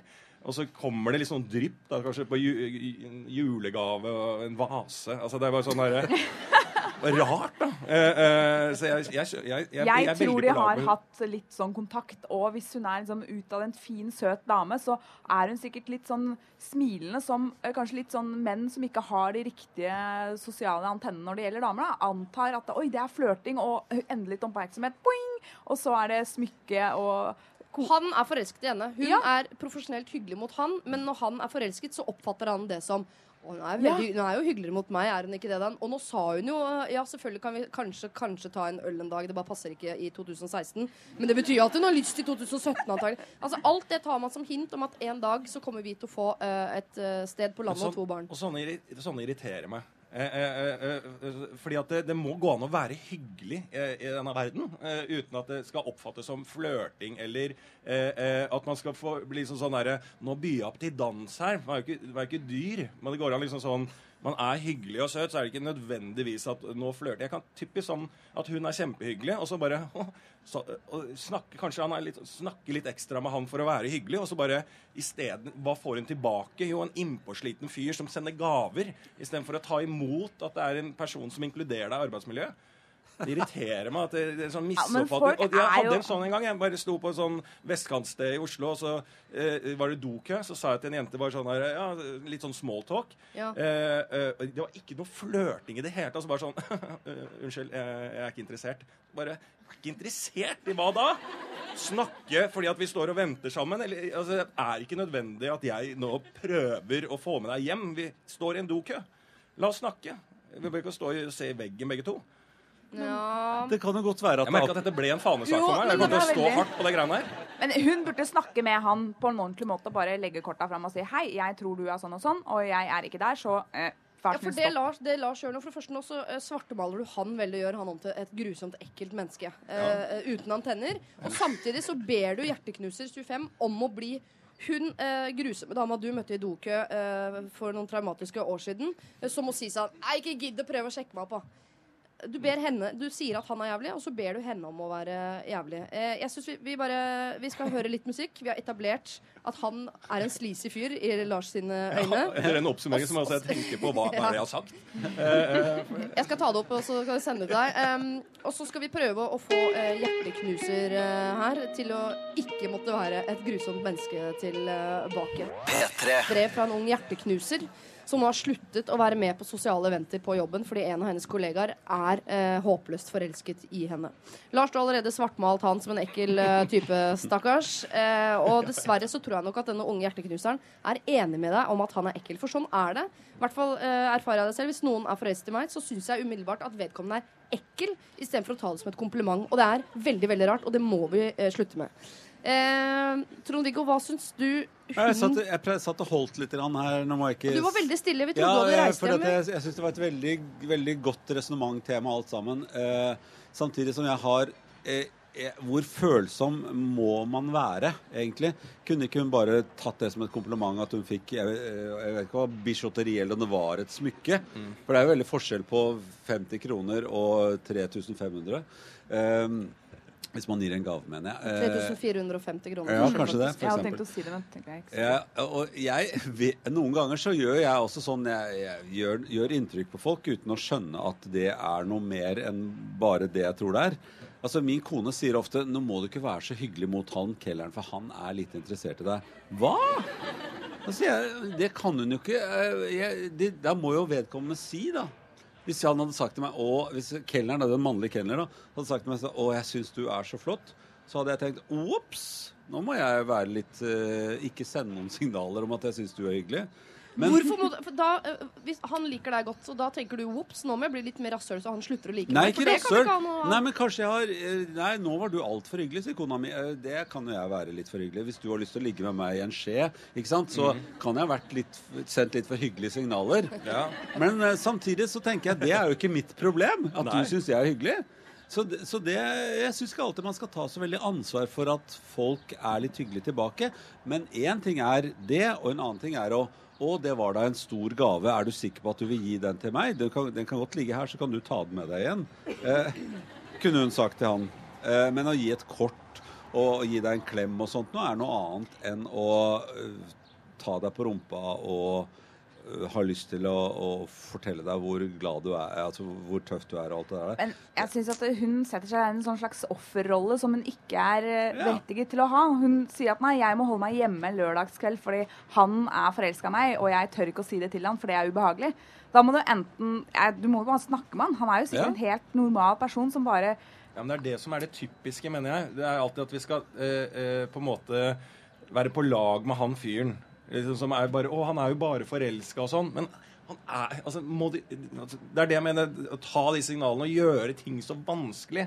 Altså, jeg mener at han det er det, Jeg sier ikke at han er ekkel, men liksom sånn Må det alltid være sånne folk? Kan ikke han bare ta at hun er en hyggelig jente? Må ikke drive på med Ikke bli forelska! Jeg vet ikke hva jeg snakker om lenger. Ja, men mener, fordi enten, nå mener du en av to ting. Jeg er litt Ja, jeg jeg. Enten så mener du at han må ta hintet. Han må, han må skjønne at hun ikke er forelsket uten at hun må måtte si det eksplisitt. Eller så mener du at han må slutte å være forelsket. Og eh, hvis du mener nummer to der, så da må du da må du mene noe annet, for det er Mener feil. ikke, Nei, men Går det ikke an å mene litt begge deler, da? Altså, det, man kan ikke kaste seg altfor mye frempå. Uh, og man skal ikke holde altfor mye igjen. Uh, det er å finne en eller annen sånn uh, middelvei, og der er vi jo forskjellige. Så et eller annet sted langs denne løypa hvor de går nedover nå, så må jo hun si ifra med munnen sin. Nei, det syns ikke jeg er noe gøy. Nå hindrer du meg i å, å, å jeg, jeg kan ikke gå på disse samlingene lenger, fordi at du setter deg for nære meg. Uh, og da kan han si Setter jeg meg for nære deg? Det var ikke meningen. Bare, I min familie så er man sånn hyggelig hele tiden, at man gir gaver og sånt noe. Det, og det, det må du ikke misforstå. Nei, men dette, vi skal ha det hyggelig sammen uten at du skal tro at jeg legger an på deg. Så er vi ferdig med den samtalen. Så har hun det hyggelig igjen. Trond-Viggo. Ja. Det er grunnen til at jeg har lyst til å ligge i skje med deg. Nå er du altfor hyggelig, Trond-Viggo. Nå er du nødt til å åpne opp oh, går litt. Ja. Grann. Ok, kjære hjerteknuser. Det er jo, uh, dette er faktisk ditt problem, selv om du har blitt lagt litt i fanget ditt. Og det er så synd at det er et problem, for egentlig er det et kompliment. Det er en mann som er forelsket i deg, og du er ikke forelsket tilbake. Og hvis du vil bli kvitt det komplimentet det er, så er det bare én måte å gjøre det på, og det er å snakke med han om det. Og jeg vet at det er ubehagelig å svare på spørsmål man ikke har fått. For han har ikke sagt direkte ut 'jeg er forelsket i deg'. Så du har noe, eh, du, har ikke noe du kan egentlig reagere på. Du må bare ta det for gitt. Jeg registrerer at du liker meg litt for godt. Jeg kommer aldri til å like deg så godt tilbake. Du, du er nødt til å ta den bitte lille korte samtalen der. Det kommer ikke til å bli en lang dialog, for han kommer til å bli så flau og lei seg at han kommer ikke til å stille noen oppfølgingsspørsmål eller sette deg til veggs eller noe som helst. Det blir eh, ille for deg i to minutter, og så blir det ille for han i eh, seks dager. Og så er vi ferdig med den eh, greia der. Dessverre, dette er ditt problem, og du er nødt til å løse det. P3. Dette er Lørdagsrådet på P3. P3. Venstrepolitiker Abid. Ikke ku lenger, du har tatt bort kuen. Jo, den kuen er Er det men, eh, men det er ikke, man bruker ikke det muntlig. Gjør man Nei, bare skrifter. Ja, det er, jeg tror det. Jeg, jeg skriver det med kun. Jeg syns det er mer punktum. schwung Abid Ku Raja enn bare Abid Raja. Ja, jeg syns du skal beholde schwungen. Da. Da beholder jeg kuen. Ikke si punktum, da. Abid Ku punktum Raja. Nei, det skal jeg prøve å For navnet ditt er ikke en e-postadresse. Hvis jeg gjør det, så kan jeg prøver å tenke Venstre det nå. Og som dere hører, så er det også komikere her. Christian Mikkelsen og Janne Christian Rønningen. Q. Mikkelsen. Q. Mikkelsen. Ikke sant? Det er komikerbiten av meg som bare er Mikkelsen, crazy. Mikkelsen. Eh, Jeg har en eh, feil oppi hjernen min. Jeg har flere. En av de er at når det er andre morsomme mennesker i studio, så tror jeg også at jeg er en av de, så da eh, blir det mye dårlig ordspill og sånn utover dagen. Jeg beklager det på forhånd. Nå skal vi prøve å gi eh, råd eh, herfra og til klokken tolv, og førstemann ut som får vår hjelp, er Sara, 24 år gammel. Jeg er muligens over gjennomsnittet glad i hund. Jeg er blant de som definitivt skal ha valp før jeg får barn. Nå er jeg student og har verken økonomi eller tid til å ha min egen hund, men når jeg er ferdig utdanna, så tipper jeg at jeg kommer til å finkjemme annonser for hund til salgs før jeg ser på jobbutlysning. For noen år siden var jeg aktiv på en datingapp. Det vet Janne alt om. Gjennom denne appen møtte jeg en mann, la oss kalle han Fredrik. Fredrik var kjekk, han et par år eldre enn meg, godt utdanna osv., men best av alt, han hadde en hund. Og det var en valp, en sukkersøt, lite lykketroll med rødbrun pels, som kunne ha sjarmert- hvem som helst. Så jeg møtte Fredrik, og vi hadde det fint, vi. En god rutine med middag, film og sex, men best av alt, jeg fikk være med denne hunden. Etter et par møter ble Fredrik mindre og mindre interessant, men hunden var fremdeles umotståelig, så jeg fortsatte å møte Fredrik. Etter en måneds tid innså jeg at å ha sex med en mann kun for å gå tur og leke og kose med hunden hans, er komplett galskap. Så vi sluttet å, mø vi sluttet å møtes, og han flyttet etter hvert ut av byen, og jeg fant en annen flott mann uten hund, som nå er min fantastiske kjæreste. Jeg har fått litt bilder på Snapchat fra denne Fredrik de siste to årene, som for det meste er videoer og bilder av denne sinnssykt søte hunden. Og dette syns jeg er hyggelig, man kan jo aldri få for mange hundesnaps. Så viser det seg nå da at Fredrik og hunden hans de flytter tilbake til byen hvor jeg bor nå etter sommeren, og jeg har veldig lyst til å tilby meg å passe denne hunden en gang iblant. Jeg er overhodet ikke interessert i Fredrik, kun hunden. Kan jeg ta kontakt for å være hundepasser? Med vennlig hilsen Sara24. PS. Dersom det blir et spørsmål eller det er uklarheter rundt min sivile status, så har jeg et strålende fint avstandsforhold med min kjæreste. Vi har vært sammen i ett og et halvt år. Altså, folkens, avstandsforhold med en fyr kan hun passe bikkja til La oss kalle det eksen, da, bare for å gjøre det litt mer intrikat. Så de har, sa jo både sett på film og hatt sex. Det er for meg et forhold. Hva tenker dere? Jeg, jeg, jeg tenker, Hvorfor får hun ikke seg egen hund? Det skriver hun innledningsvis. Oh, hun er student, har verken økonomi eller ja. Ja, ja, ja, Mm. ja. ja, Det var bra du friska opp det. Ja. For det var veldig mye spennende detaljer inni der, så litt vanskelig å Mm. Ja, men da mm. Ja, hva syns du om det? Jeg tenker jo at eh, jeg liker jo ikke uansett ja, at noen jeg er sammen med, har kontakt med eksene sine. Synes jeg det er liksom jeg, er liker ikke folk som klager på eksene. Særlig ikke kanskje på første date setter seg ned, begynner å snakke litt om hvor dårlig det gikk med den forrige kjæresten. Men, eh, men jeg syns ikke det er noe bra med folk som for, tilbringer tid med eksene sine. Du skal ikke tilbringe tid med eksen, bare med bikkja hans. Ja, det er et godt poeng, Siri. Men uh, Siri, det er jo, hun må jo møte Fredrik for å ta imot Bisha. For Bisha kan jo ikke komme av seg sjøl. Men uh, den nye kjæresten som vi ikke fikk navn på, Mm. tror jeg, han er jo sånn avstandsfyr. Så, men hun må jo fortelle han da at jeg skal møte Fredrik. Det som er fint, er jo at hun egentlig ikke har noe til overs for Fredrik. Altså Hun er nesten på grensa til anførselstegn kvalmende over Fredrik. Det er bare, Hun har hatt sex med han pga. bikkja. Det er egentlig litt, litt rart, er det. Men, Folk har eh, hatt sex for eh, mindre materielle ting enn hunder, for å si det sånn. men jeg tenker hvis hun sier det til sin nåværende kjæreste, Ja. som hun har avstandsforhold til, at jeg kvalmer over Fredrik, men jeg elsker bikkja, kan jeg gå tur med bikkja, og han syns det er fair game, så er vel det greit. Men, Men, kastet en brannfakkel her, Abid. Eh, hvis hun, hun har ikke noe til overs for han Fredrik, ikke sant? Ja. Eh, Han har i hvert fall fått et navn da i mailen. Jeg bare nevner det. ja, vi kaller han det nå. Ja, jo, jo. Eh, men hun sier jo det, hun har ikke noe til overs for han. Eh, og, eh, og, og hun er glad i kjæresten sin, hun er veldig glad i som hun har avstandsforhold med.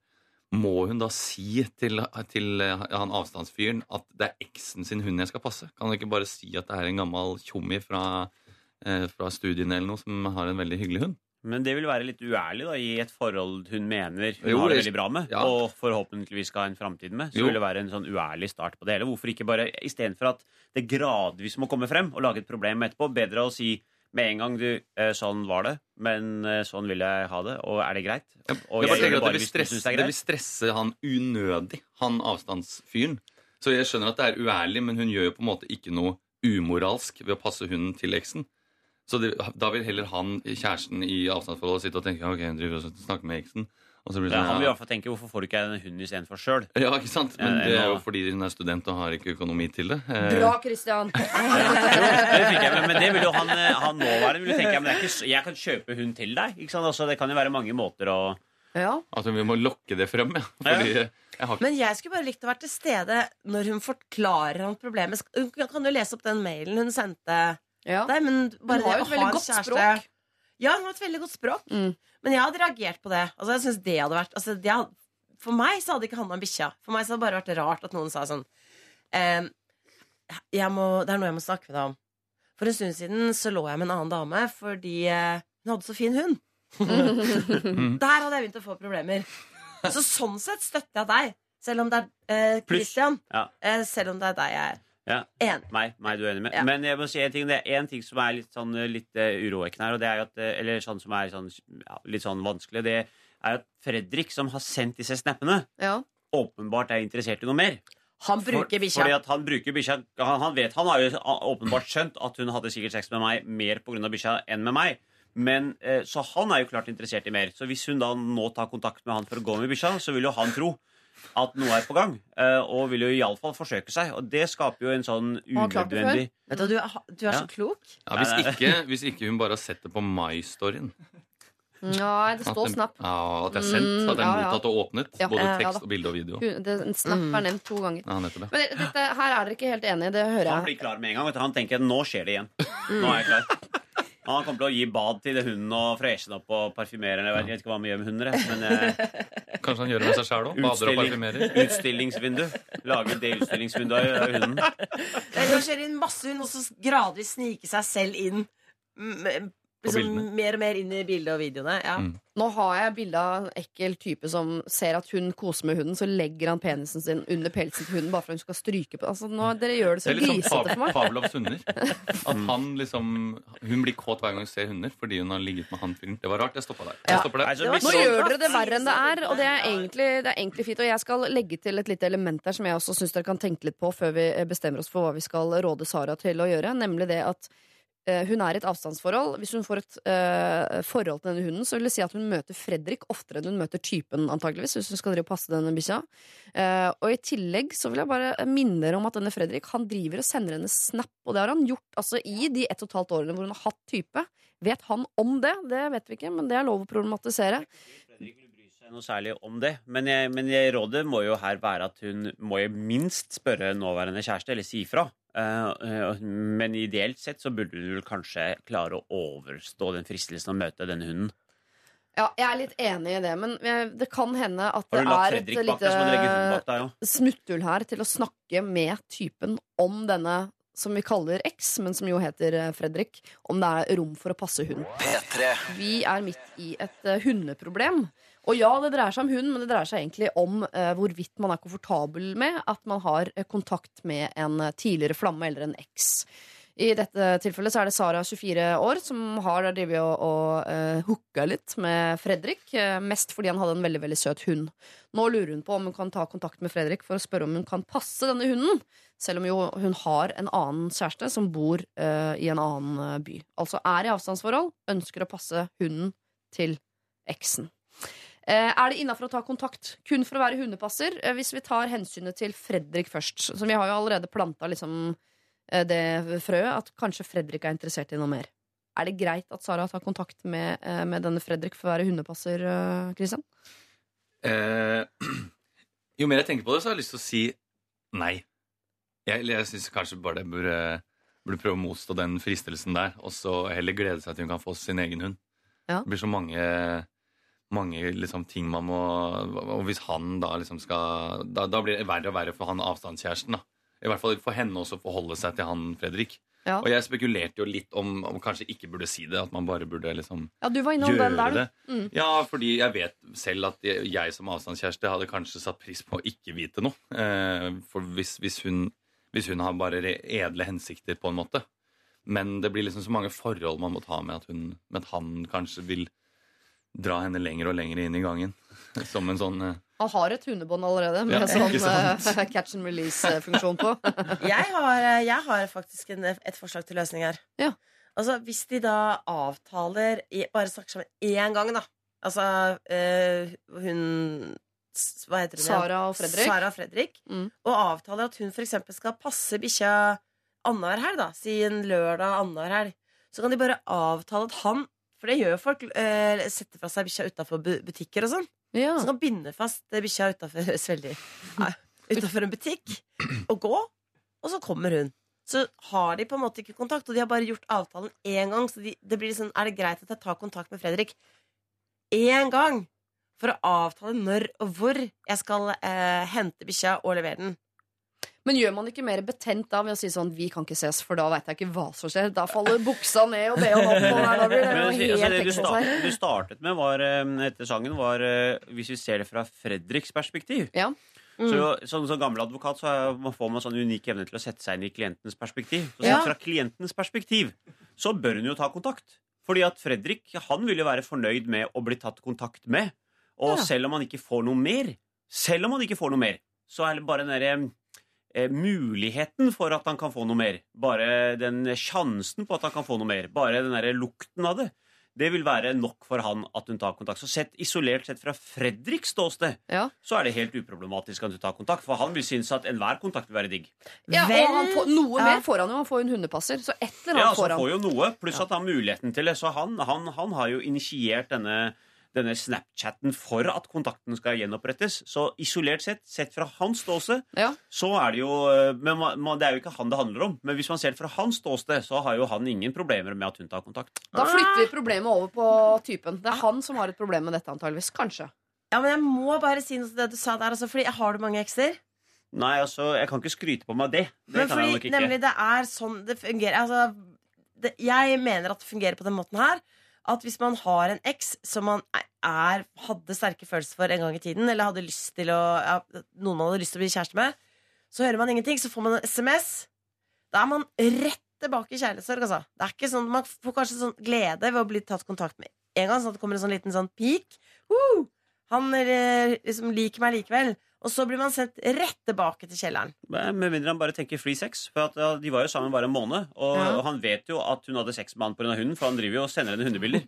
Så han er jo, vet jo åpenbart Han er jo sjølbevisst på Ja, den måten. Så for hans Og de har, del jo er hatt, det jo kon- de har hatt kontakt jevnlig på Snap, så det blir ikke sånn et uh, sånn uh, rop fra fordumstid, liksom. De Men har det hatt handler jo egentlig ikke om han. Altså, så, så, så hvis jeg tar liksom hennes uh, side, da, så vil jeg jo tenke at eh, for henne sjøl og for hennes eget beste, så er det nok best å ikke ta den kontakten. For hun, hun skaper en unødvendig klein situasjon for seg sjøl. Det å liksom hente en hund som er satt av utafor butikken, jeg tror ikke det er noe Det er en helt umulig situasjon. Hva med å sette liksom et kryss i vinduet, sånn som X-Files? Så da kommer han kjørende Ja, forbi. Ja, liksom, eh, Jeg tenker litt på bikkja òg, at det er folk kommer ut og inn av livet.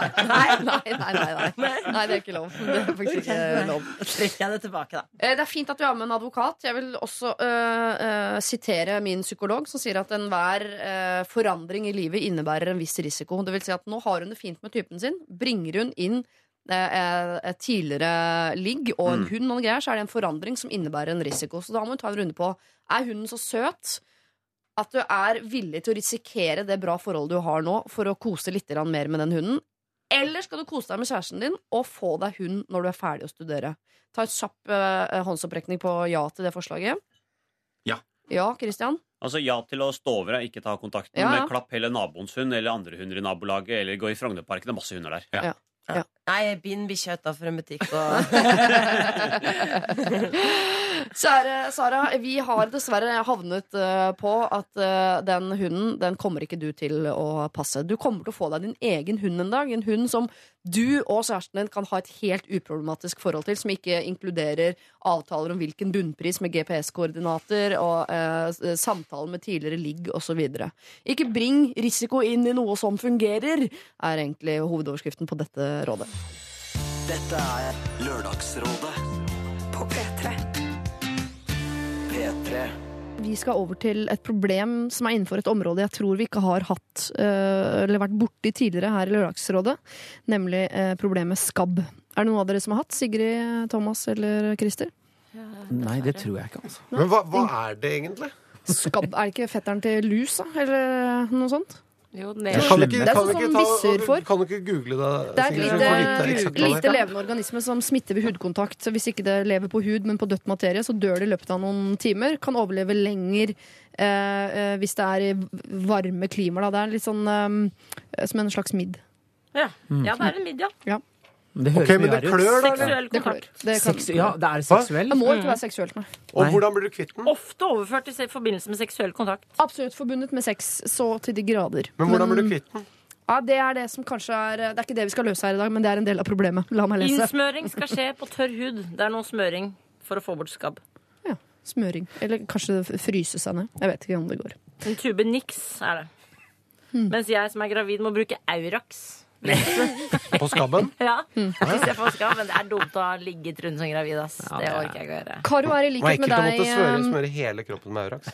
Men du, det, er Føles ikke, ikke noe det deilig. har ikke noe med dårlig hygiene å gjøre, faktisk. Det er litt viktig at vi sier, kanskje, fordi det står her. Skabb har ikke, er, er, er ikke noe, det har ikke noe med dårlig hygiene å gjøre. Og det har jo ikke nødvendigvis lus heller, selv om man tenker det. Hvis noen får det. Man, jeg tror på vestkanten veldig uakseptabelt å ha lus fordi man da føles som at man tilhører en annen klasse enn man har lyst til å være. Ja, Vi så Hallo, jo hvor tabu det var i Side om ikke- side når eh, altså, Og Jon barn er like kona på øst og på vest, og det er de som får lus. Ja. Ok, dere. Karo her er i likhet med Sigrid eh, gravid. Hun er kanskje enda mer gravid enn deg, Sigrid. Hun er innenfor kategorien høy. Jeg har et problem som jeg håper dere kan hjelpe meg med. Det har seg sånn at Jeg er i en litt annen situasjon enn de fleste av mine venner. Jeg er høygravid, men de er for det meste bare fulle, har one night stands og kjører fadderuke for både tredje og fjerde gang i år. Det går jo egentlig greit for meg, men nå har det seg sånn at en av mine beste venninner har fått skabb. Hun har fått det på et tvilsomt hostell, og ikke fra et tvilsomt ligg. Men uansett, jeg gruer meg jo til barnet kommer, og hun garantert vil ønske å holde og kose med dette barnet. Og jeg er ganske sikker på at eh, noen kontakter barnevernet om man klarer å gi sitt nyfødte barn skabb. Som en tilleggsopplysning vet jeg at hun har søkt behandling flere ganger, men hun blir ikke kvitt det. Hvordan forholder jeg meg til henne etter at barnet er født? Karo? Mm. Er du, vil du begynne, Sigrid? Det er At, eh, interessant, altså, jeg er enig, for det er jo skikkelig skam eh, å ha skabb. eh, Og så skal du si til venninna di du får ikke lov til å holde barn. Og det, fordi Jeg leser jo også da at skabb kan å, altså Det tar tre til fem uker å behandle. ikke sant? Så det er jo det. Du må jo ikke ha henne på besøk på fem uker da, etter at det var Du har prøvd å få behandling, og det virker som skabben har kommet for å bli. Men altså, unnskyld meg, men søkt om behandling, var det det? Ja. Ja, Det, er det høres å ut, kjøpe det høres ut som du liksom er litt vel autoritets... Altså, kom igjen, da. Det er ikke Kjøp krem, liksom? Jeg Ja. går liksom Nei, jeg har søkt, men jeg har ikke fått noe svar. Kom igjen, da. Da må du liksom lette på ræva. Du kan ikke sitte der og si 'Jeg ble ikke kvitt det'. Men da, må du bruke, da kan du bruke det, for du blir jo fucka som mor. ikke sant? Det Når du har født, så blir du gæren. Da tenker du jo at det skal dø bare folk holder det litt feil. Ja, ja. Eh, Så tenker du sånn Da fikk den hjerneskade fordi nakken gikk liksom fort bak. ikke sant? Så det kan du jo bruke som sånn Jeg må holde barnet mitt, for jeg, jeg er blitt helt eh, gæren. Så du kan jo bruke det som en unnskyldning. Kanskje hvis du ikke tør å gå i konfrontasjon og si Har du den skabben ennå? Men du, det må altså, jeg jeg, må, være for, jeg må bare fortelle, fordi at et, et, eh, et vennepar av meg, de bestemte seg for å få en, eh, en dagmamma. Mm. Uh, som da, og det var masse styr for å finne den rette personen, og hun virket kjempebra, og uh, alt så helt topp ut. Hun uh, skulle da komme, sa opp jobben sin, og var veldig klar. Alt var helt topp. Så skal hun begynne. Og dagen før så skal de bare ha et sånt formøte før hun skal komme, og så har hun kjempeherpes. og, så tenker du Hun skal jo drive og nusse Skal jeg da gi barnet mitt herpes Ja. eh, Ja. nå? Med en gang? Ja, det er det. Eh, Skal ikke det komme i russetida? jo, men du vil jo ikke det, samtidig som hvordan skal du si til henne du, Hvordan har du tenkt å håndtere den herpesen opp mot det barnet? Ja. Det er jo det er et problem. sant, det er Skal dagmamma drive og nusse på barnet, da? Ja, jo da, men ha hallo, litt kjærlig kontakt. Altså, det, det, det kommer veldig fort at den herpesen hopper over der.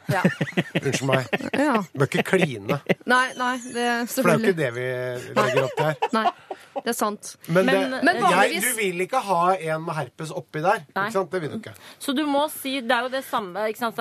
Det Du, Som nybakt mor, særlig for førstegangsfødende, så sier du jo sånn ha, Er du forkjøla, har du vært forkjøla? Og alle må vaske hender. Og du er jo helt Ja. i antibac-gal. Ja. Så du kan jo bruke det som unnskyldning i starten. Du kan også, hvis du trenger en unnskyldning, si du eh, For det du kan gjøre, er jo for å gjøre dette litt ryddig, sånn som For å bruke en taktikk som man bruker gjerne i, i politikken eller i, i styrer Nå ser, hører vi om det der.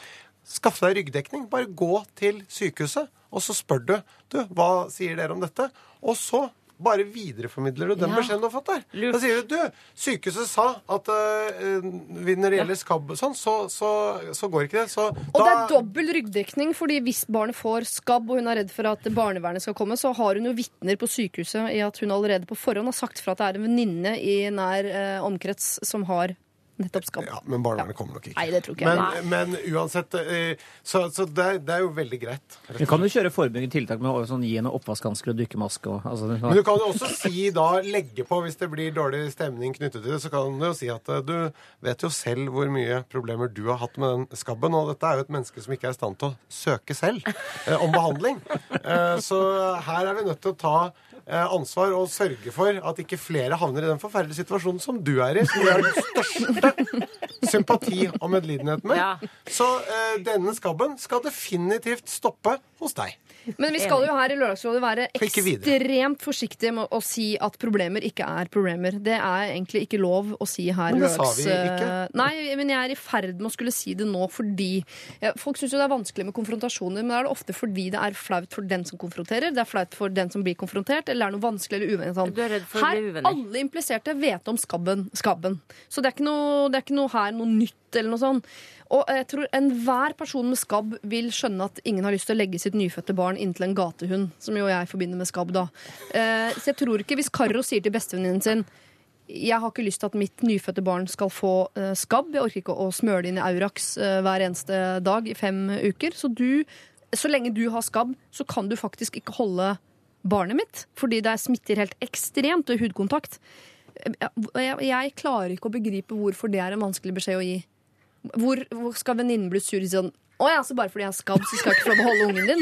Ja. Jeg, jeg, jeg klarer ikke å se for sånn. meg et, en scene hvor det er vanskelig.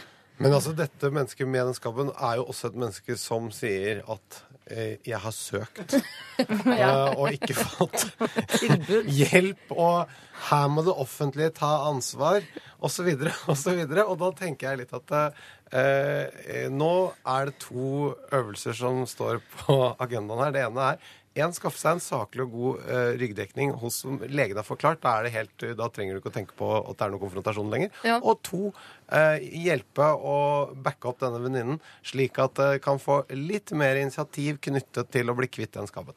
til å gå og kjøpe seg den tuben med Aurax. Eh, ja, Karo, eh, du, eh, skaff deg ryggdekning. Det er en god generell Ja, er eh, råd egentlig å gi til alle Bruk mennesker. Bruk helsestasjonen, eller så bruker du egen mental helse og nettopp spiller ut rollen som gæren eh, førstegangsmor som er hysterisk og som nærmest bader i antibac hver eneste dag selv. Ja, du kommer til å bli det litt, men det er lov å skru det til når du da får en venninne på besøk med eh, skabb eller den slags. Dette er Lørdagsrådet på P3. P3.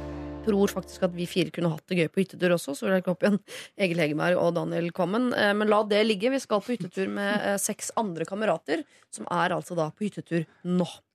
Vi feirer forlovelse for kameraten vår. I løpet av kvelden i går, som var preget av en del alkohol, kom det fram at en av de andre i vår gjeng har ligget med den forlovedes utvalgte. Nå er tilstanden mindre koselig her på hytta. Disse to som en gang var gode venner, har plutselig blitt bitre fiender. Og vi reiser ikke hjem før på søndag. Så nå har vi et problem. Har dere noen kloke råd til hvordan vi resterende kamerater skal håndtere denne situasjonen? Hilsen Geir og gutta på tur. Oh. Oi, det var hardt. Vi må jo løse denne hytteturen, få den til å gli noenlunde oh. uh, sømløst for seg. Men uh, dette skal jo Dette er altså folk som på kort, om kort tid antagelig skal feire et bryllup sammen. Ja, hvordan kunne dette skje, da? Men, nei, men uh, det kom det fram om den, dette hadde skjedd innenfor forlovelsestiden, holdt jeg på å si? Oh, ja, nei, ja, det, eh, nei, da hadde det stått Jeg tenker at dette er noe sånn fra gamle dager. Men er det så ille? Ja. Nei, det er jo ikke så ille. Det er bare Nei, det for er jo, da er det jo egentlig han kompisen som eh, Som nå har forlovet seg med henne. Som har gått på en smell. For man skal, jo ikke, ligge, man skal jo ikke ligge med eh, jenter kompisen har ligget med. Nei. Altså, sånn Eh, sett så Så sånn sett- øh, er det jo han som er drittsekken ja. her. Men han har ikke ligget med henne ennå, antakeligvis. For de har ikke hatt bryllupsnatten ennå. Nei, og det har hun jo historie for å ta hensyn til. Um, Men- men, uansett hvem som har gjort noe feil, eller om det ikke er feil, eller et ja. så er stemningen er ødelagt. Men et sånn kreativt forslag. Kon, det er bare sånn han som da liksom har ligget med hun her tidligere? Eh, nå kan det hende det er helt ute der, men kom med liksom bare, eh, at det blir liksom sånn eh, gjort en sånn konsensus? Sånn, nå går du, og så legger du deg på trammen utenfor, eller på gårdsplassen utafor her, eh, og så ligger du der til han føler at han Så kommer han ut, og så bare får han liksom ut aggresjonen sin, og så ligger du der, og så bare tar du imot. Om det skulle være noen eh, slag eller noen spark eller noe sånt noe. Ja. eh, og så bare ligger du der til han er ferdig med det, og så er det ute av verden. Men hvem er det du mener skal eh, ligge og ta imot, og hvem er det som skal få sparke og slå her? For Egil, altså Vi har jo allerede etablert at eh, vi kan ta på forskjellige briller i forhold til hvem det er som har gjort noe Mm. ulovlig her. Å ja, nei, nei, nå tenker jeg altså, det, Jeg tenker jo da i utgangspunktet um, jeg det liksom har gått så langt som til forlovelse, så kan han jo si det at ja, kanskje han ikke skulle lagt seg etter henne i utgangspunktet, men han har jo ikke visst noe om Nei, dette. han det. Og han burde kanskje sagt ifra litt grann før. Eh, så det er jo klart at han som da har ligget med henne eh, før, da trengte jo ikke komme helt hit. Så tenkte jeg at det bare er på sin plass. Eh, at han prøver Ja, men man kan ikke være utro med tilbakevirkende kraft, liksom. Det, altså, hun Det er jo Ja, men Han burde jo ha sagt ifra, burde han ikke det? Ja, for det er, der det, det er derfor det er forbanna på han. For at han ikke har fortalt. Ja, det er jo det, for dette er den klassiske ja. uh, Hvis vi hadde kommet inn tidligere i prosessen her, da, som jeg mener hadde vært løsningen om Lørdagsrådet bare hadde kommet inn mye tidligere i Ja. prosessen. før de, altså, de burde jo sendt inn dette her før de dro på tur. Absolutt. Det er, jo, det er jo absolutt det de burde gjort. Men så ville man jo kanskje sagt sånn Herregud, dette er ikke noe vits å si. Dette er jo noe man ikke vil vite om. Men den dagen du får vite det, så blir man jo sur fordi man ikke har fått vite det Ja. det. Dette er jo en klassisk greie. Mm. Så vi er, ikke, vi er til tilbake til den, den forrige problemstillingen. Da. Skal man si ifra med en gang? Altså, med en, altså Han fyren som da har ligget med hun der forloveden, skulle han sagt ifra med en gang de andre ble, de ble presentert? Her, Her, her, ja. er Randi. Mm, uh, mm. ja, hun har jeg ligget med. Ja, ja, faktisk. men Der eh, mener jeg jo at det kanskje burde vært løsninga. Ikke med én eneste gang, men når han ser at å, ja, de, eh, de kommer til å ha mer ja. med hverandre å gjøre enn det vi hadde, osv., så, videre, så burde han på et eller annet tidspunkt før liksom, utdrikningslaget burde han sagt fra, syns jeg, da. Enig, og det er jo betinga av at det faktisk fins en tredjepart som alle kjenner. Det er jo, en, det er jo tre stykker som kjenner hverandre. Ja, men burde ikke hun Hun burde jo kanskje ha sagt noe til kjæresten sin, hun òg. Ja. Hun har, faktisk- Jeg har vært så på hyttetur med Ja, de seks guttene nå. ja. Jeg har helt glemt henne. At det er jo hun som er drittsekken her. Å, men herregud. Ma, uh, ok, men hun, kan, hun hører ikke på. Håper Hei, jeg håper det går Men Men ligger med, eh, ligger med en fjerde, tredje kompis. det er jo ingen som har gjort noe galt. Nei. Nei, det, Men eh, det er mange som er sure. Men, men la oss eh, Ja, men Vi skal løse den hytteturen nå først og fremst. Er det, Ja. er det ti stykker på hyttetur? Var det sånn jeg, jeg, Seks stykker Seks, Seks stykker. men Det var, ja. De skal hjem i morgen ettermiddag en eller annen gang eh, og må prøve å sørge for at eh, lørdagen blir uh, hyggeligere enn fredagen da Ja. utviklet seg til å bli. Spille, spiller brettspill, tenker jeg. Ja. Jo, men det kan være en fin Fin distraksjon. Ja. Og han, han som da eh, flere åpenbart er sure på, han som ikke Jeg har tror det bare er de to som er sure på oh, ja, hverandre, ok. altså. Ja. Ja. Ja, han, var det ene er på, han ene er sur på han andre fordi at han har forlovet seg med en han har ligget med.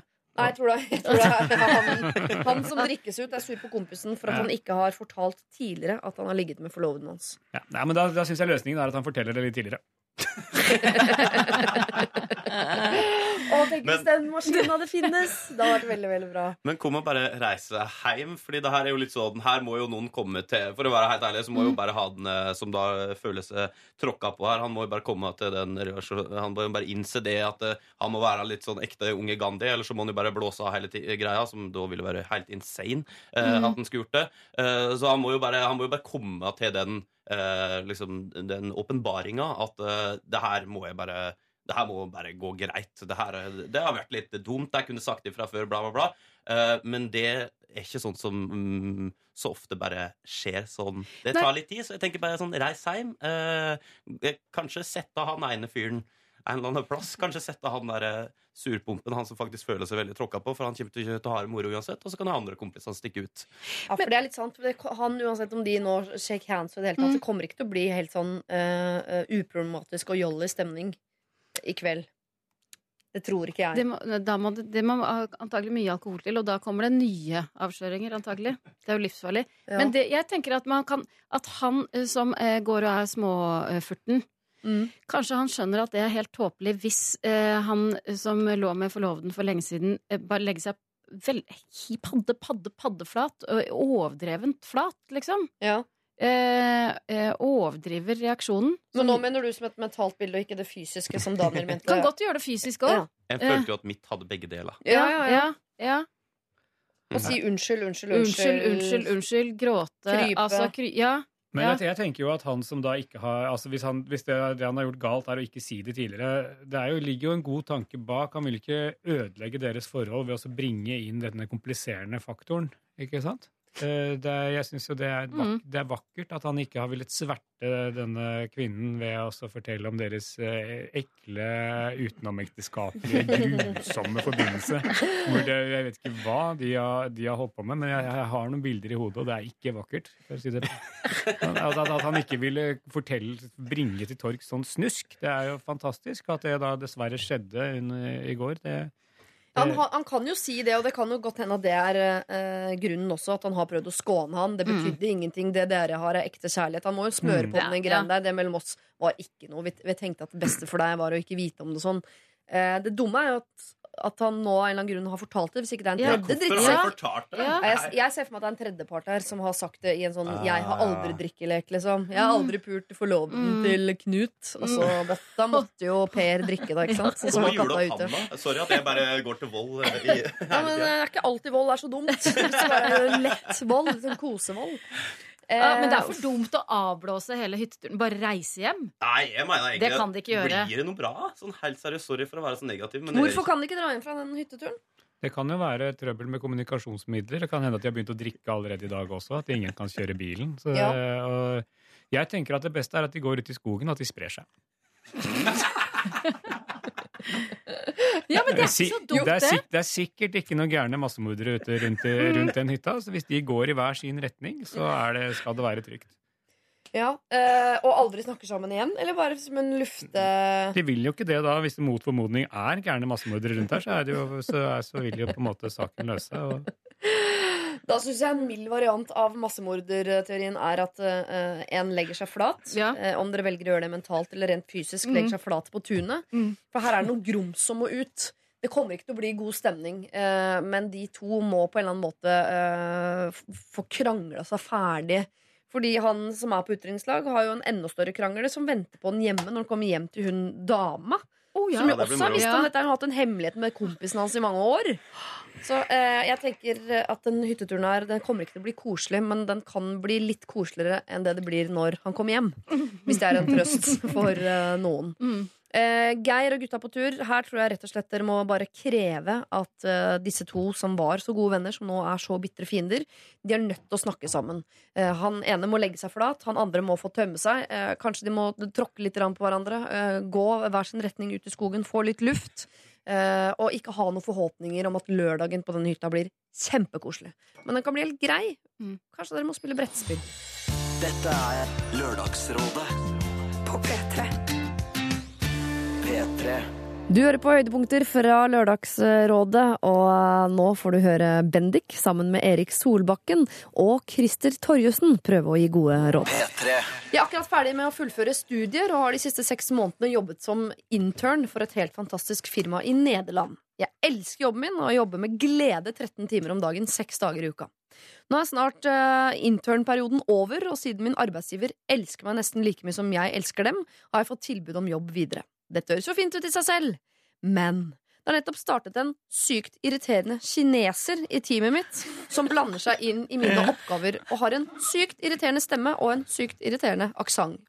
Videre har jeg vært i et eh, avstandsforhold med en deilig tysker, ja de fins, i snart tre år. det er et unntak som heter bekrefter der, altså. Og som veldig gjerne vil at jeg skal bygge og bo eh, sammen med han i Dutchland eller i Norge. Det er jo også veldig hyggelig, men veldig voksent. Har også muligheten til å dra hjem da, til gode gamle Noreg for å gradvis ta over businessen til far min. Men dette tenker jeg også er litt tidlig. Er liksom ikke noe vei tilbake hvis jeg drar hjem. Så kjære fantastiske orakler av et lørdagsråd, hva skal jeg gjøre? Wow. Her har vi Wow. masse alternativer, og vi kan til og med legge til egne. Men vi bør jo lande på ett eh, alternativ, da. Eh, Mm. Hvilke hensyn skal vi ta? Vi har en irriterende tysker Nei, vi har en irriterende kineser og en deilig tysker. Eh, og et deilig Nederland, et Norge som fungerer i det hele tatt. Hvor skal hun bygge og bo, og med hvem? Du, internasjonal problemstilling, altså. Ja. Mye, mye å ta tak i. Lørdagsrådet har vokst en del, ikke sant? Ja, det har det, Ja. altså. Men altså, kinesere er irriterende mennesker. Er de det? Det er det. Har Ja. du vært på en hotellfrokost sammen med en busslast med kinesere? Nei, men jeg har sett de gå forbi. Mm, Mm. forferdelig opplevelse. Det er uh, forferdelig grisete mennesker. Raper og smatter og fiser. Det er så gøy med nasjonaliteter som liksom er greit å være rasist mot. Men jeg skjønner, det er ingen Ikke som rasist, det jeg bare sier at det er en litt annen kultur. Ja, ja. Det er det. Det er mange kulturer du ikke kunne sagt det der om, og så hadde folk steila og vært Er det sant? og ja, For ja. eksempel. Si akkurat det du sa nå om jøder, for eksempel, eller muslimer. Så hadde du drept på vei hjem. Men om kinesere er greit. Ja, ja. Er. Men kinesere er altså da irriterende. Jeg tar ditt ord for eh, har du Kjempeirriterende. noe- Er det noen andre erfaringer om kinesere? Bendik? Har veldig lite erfaring med kinesere. Det nærmeste jeg kommer var at jeg bodde like over gaten til der de hadde sånn Harry Hole sightseeingbuss et par ganger i uken. Da kom det ut mange kinesere som så ut som amerikanere, Ja. men var Japanere antagelig, da. Nja, sant. Der ser du. Faen, jeg Asia er så har stort. ikke peiling. Det Jeg. er så stort, Asia. Asia. Men de, Det det er noe asiatere. fascinerende med dem òg. Jeg gjorde en gang en eh, jobb for et norsk teleselskap som inviterte et eh, kinesisk teleselskap. eh, hvor da halve festen var liksom Smilte og lo litt av det jeg sa. Det, det gjorde ikke kineserne. Nei. Men det dem gjorde, var at eh, når det var over, så rulla det inn en DJ og en flokk med unge kinesiske damer som kom fra nowhere og hadde party! så, så ja, men jeg, jeg har bare lyst til å si én ting, og det er at hvis du ikke klarer å takle én kineser, da er du drassøl. Det her kan du klare helt fint. Det er ikke så irriterende. Deal with it. Og hvorfor kanskje deutscheren, eh, holdt på å si, tyskeren Eller er det en Det var tysker, var ikke det? Tysker, han Kanskje han tar seg noen år i Nederlandet? Det er så kort det er pendling, pendling, pendling.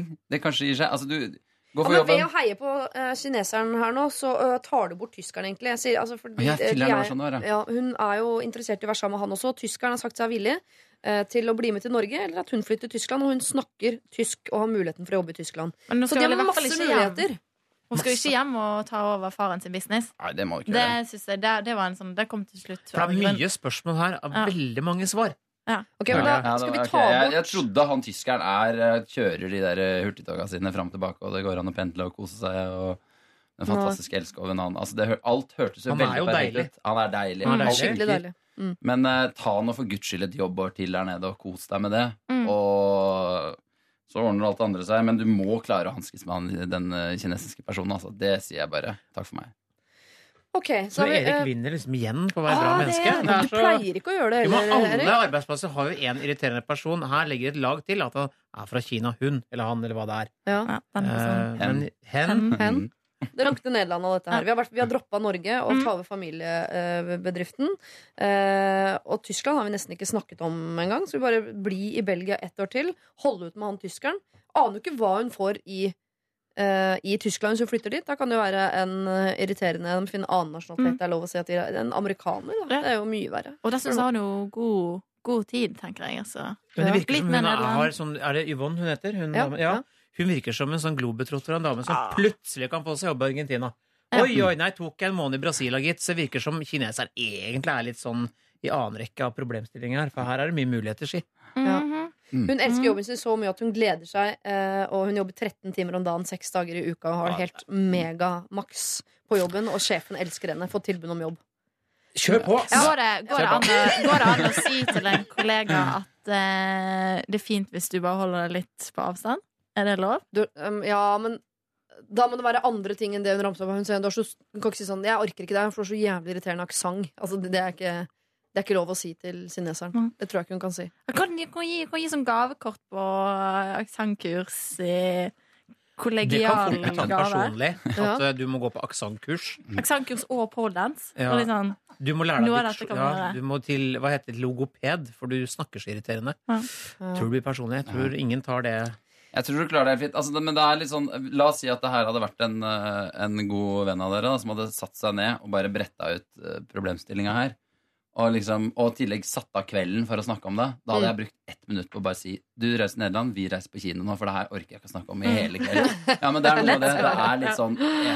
Nei, men jeg er enig det. Eh, Det høres ut som du får vilja di igjen, Erik, bare på at eh, du skal få slippe å bruke resten av kvelden din på å snakke om dette, og også at vi går for din løsning. Nemlig, eh, og dette har jeg anbefalt veldig få mennesker i mitt liv, du skal bli i Nederland sammen med en sykt irriterende tysker mens du har et for, Nei, kineser. kineser, mens du har et avstandsforhold til en jævlig deilig tysker. Det er en setning jeg sier kun én gang. P3. Dette er Lørdagsrådet på P3. P3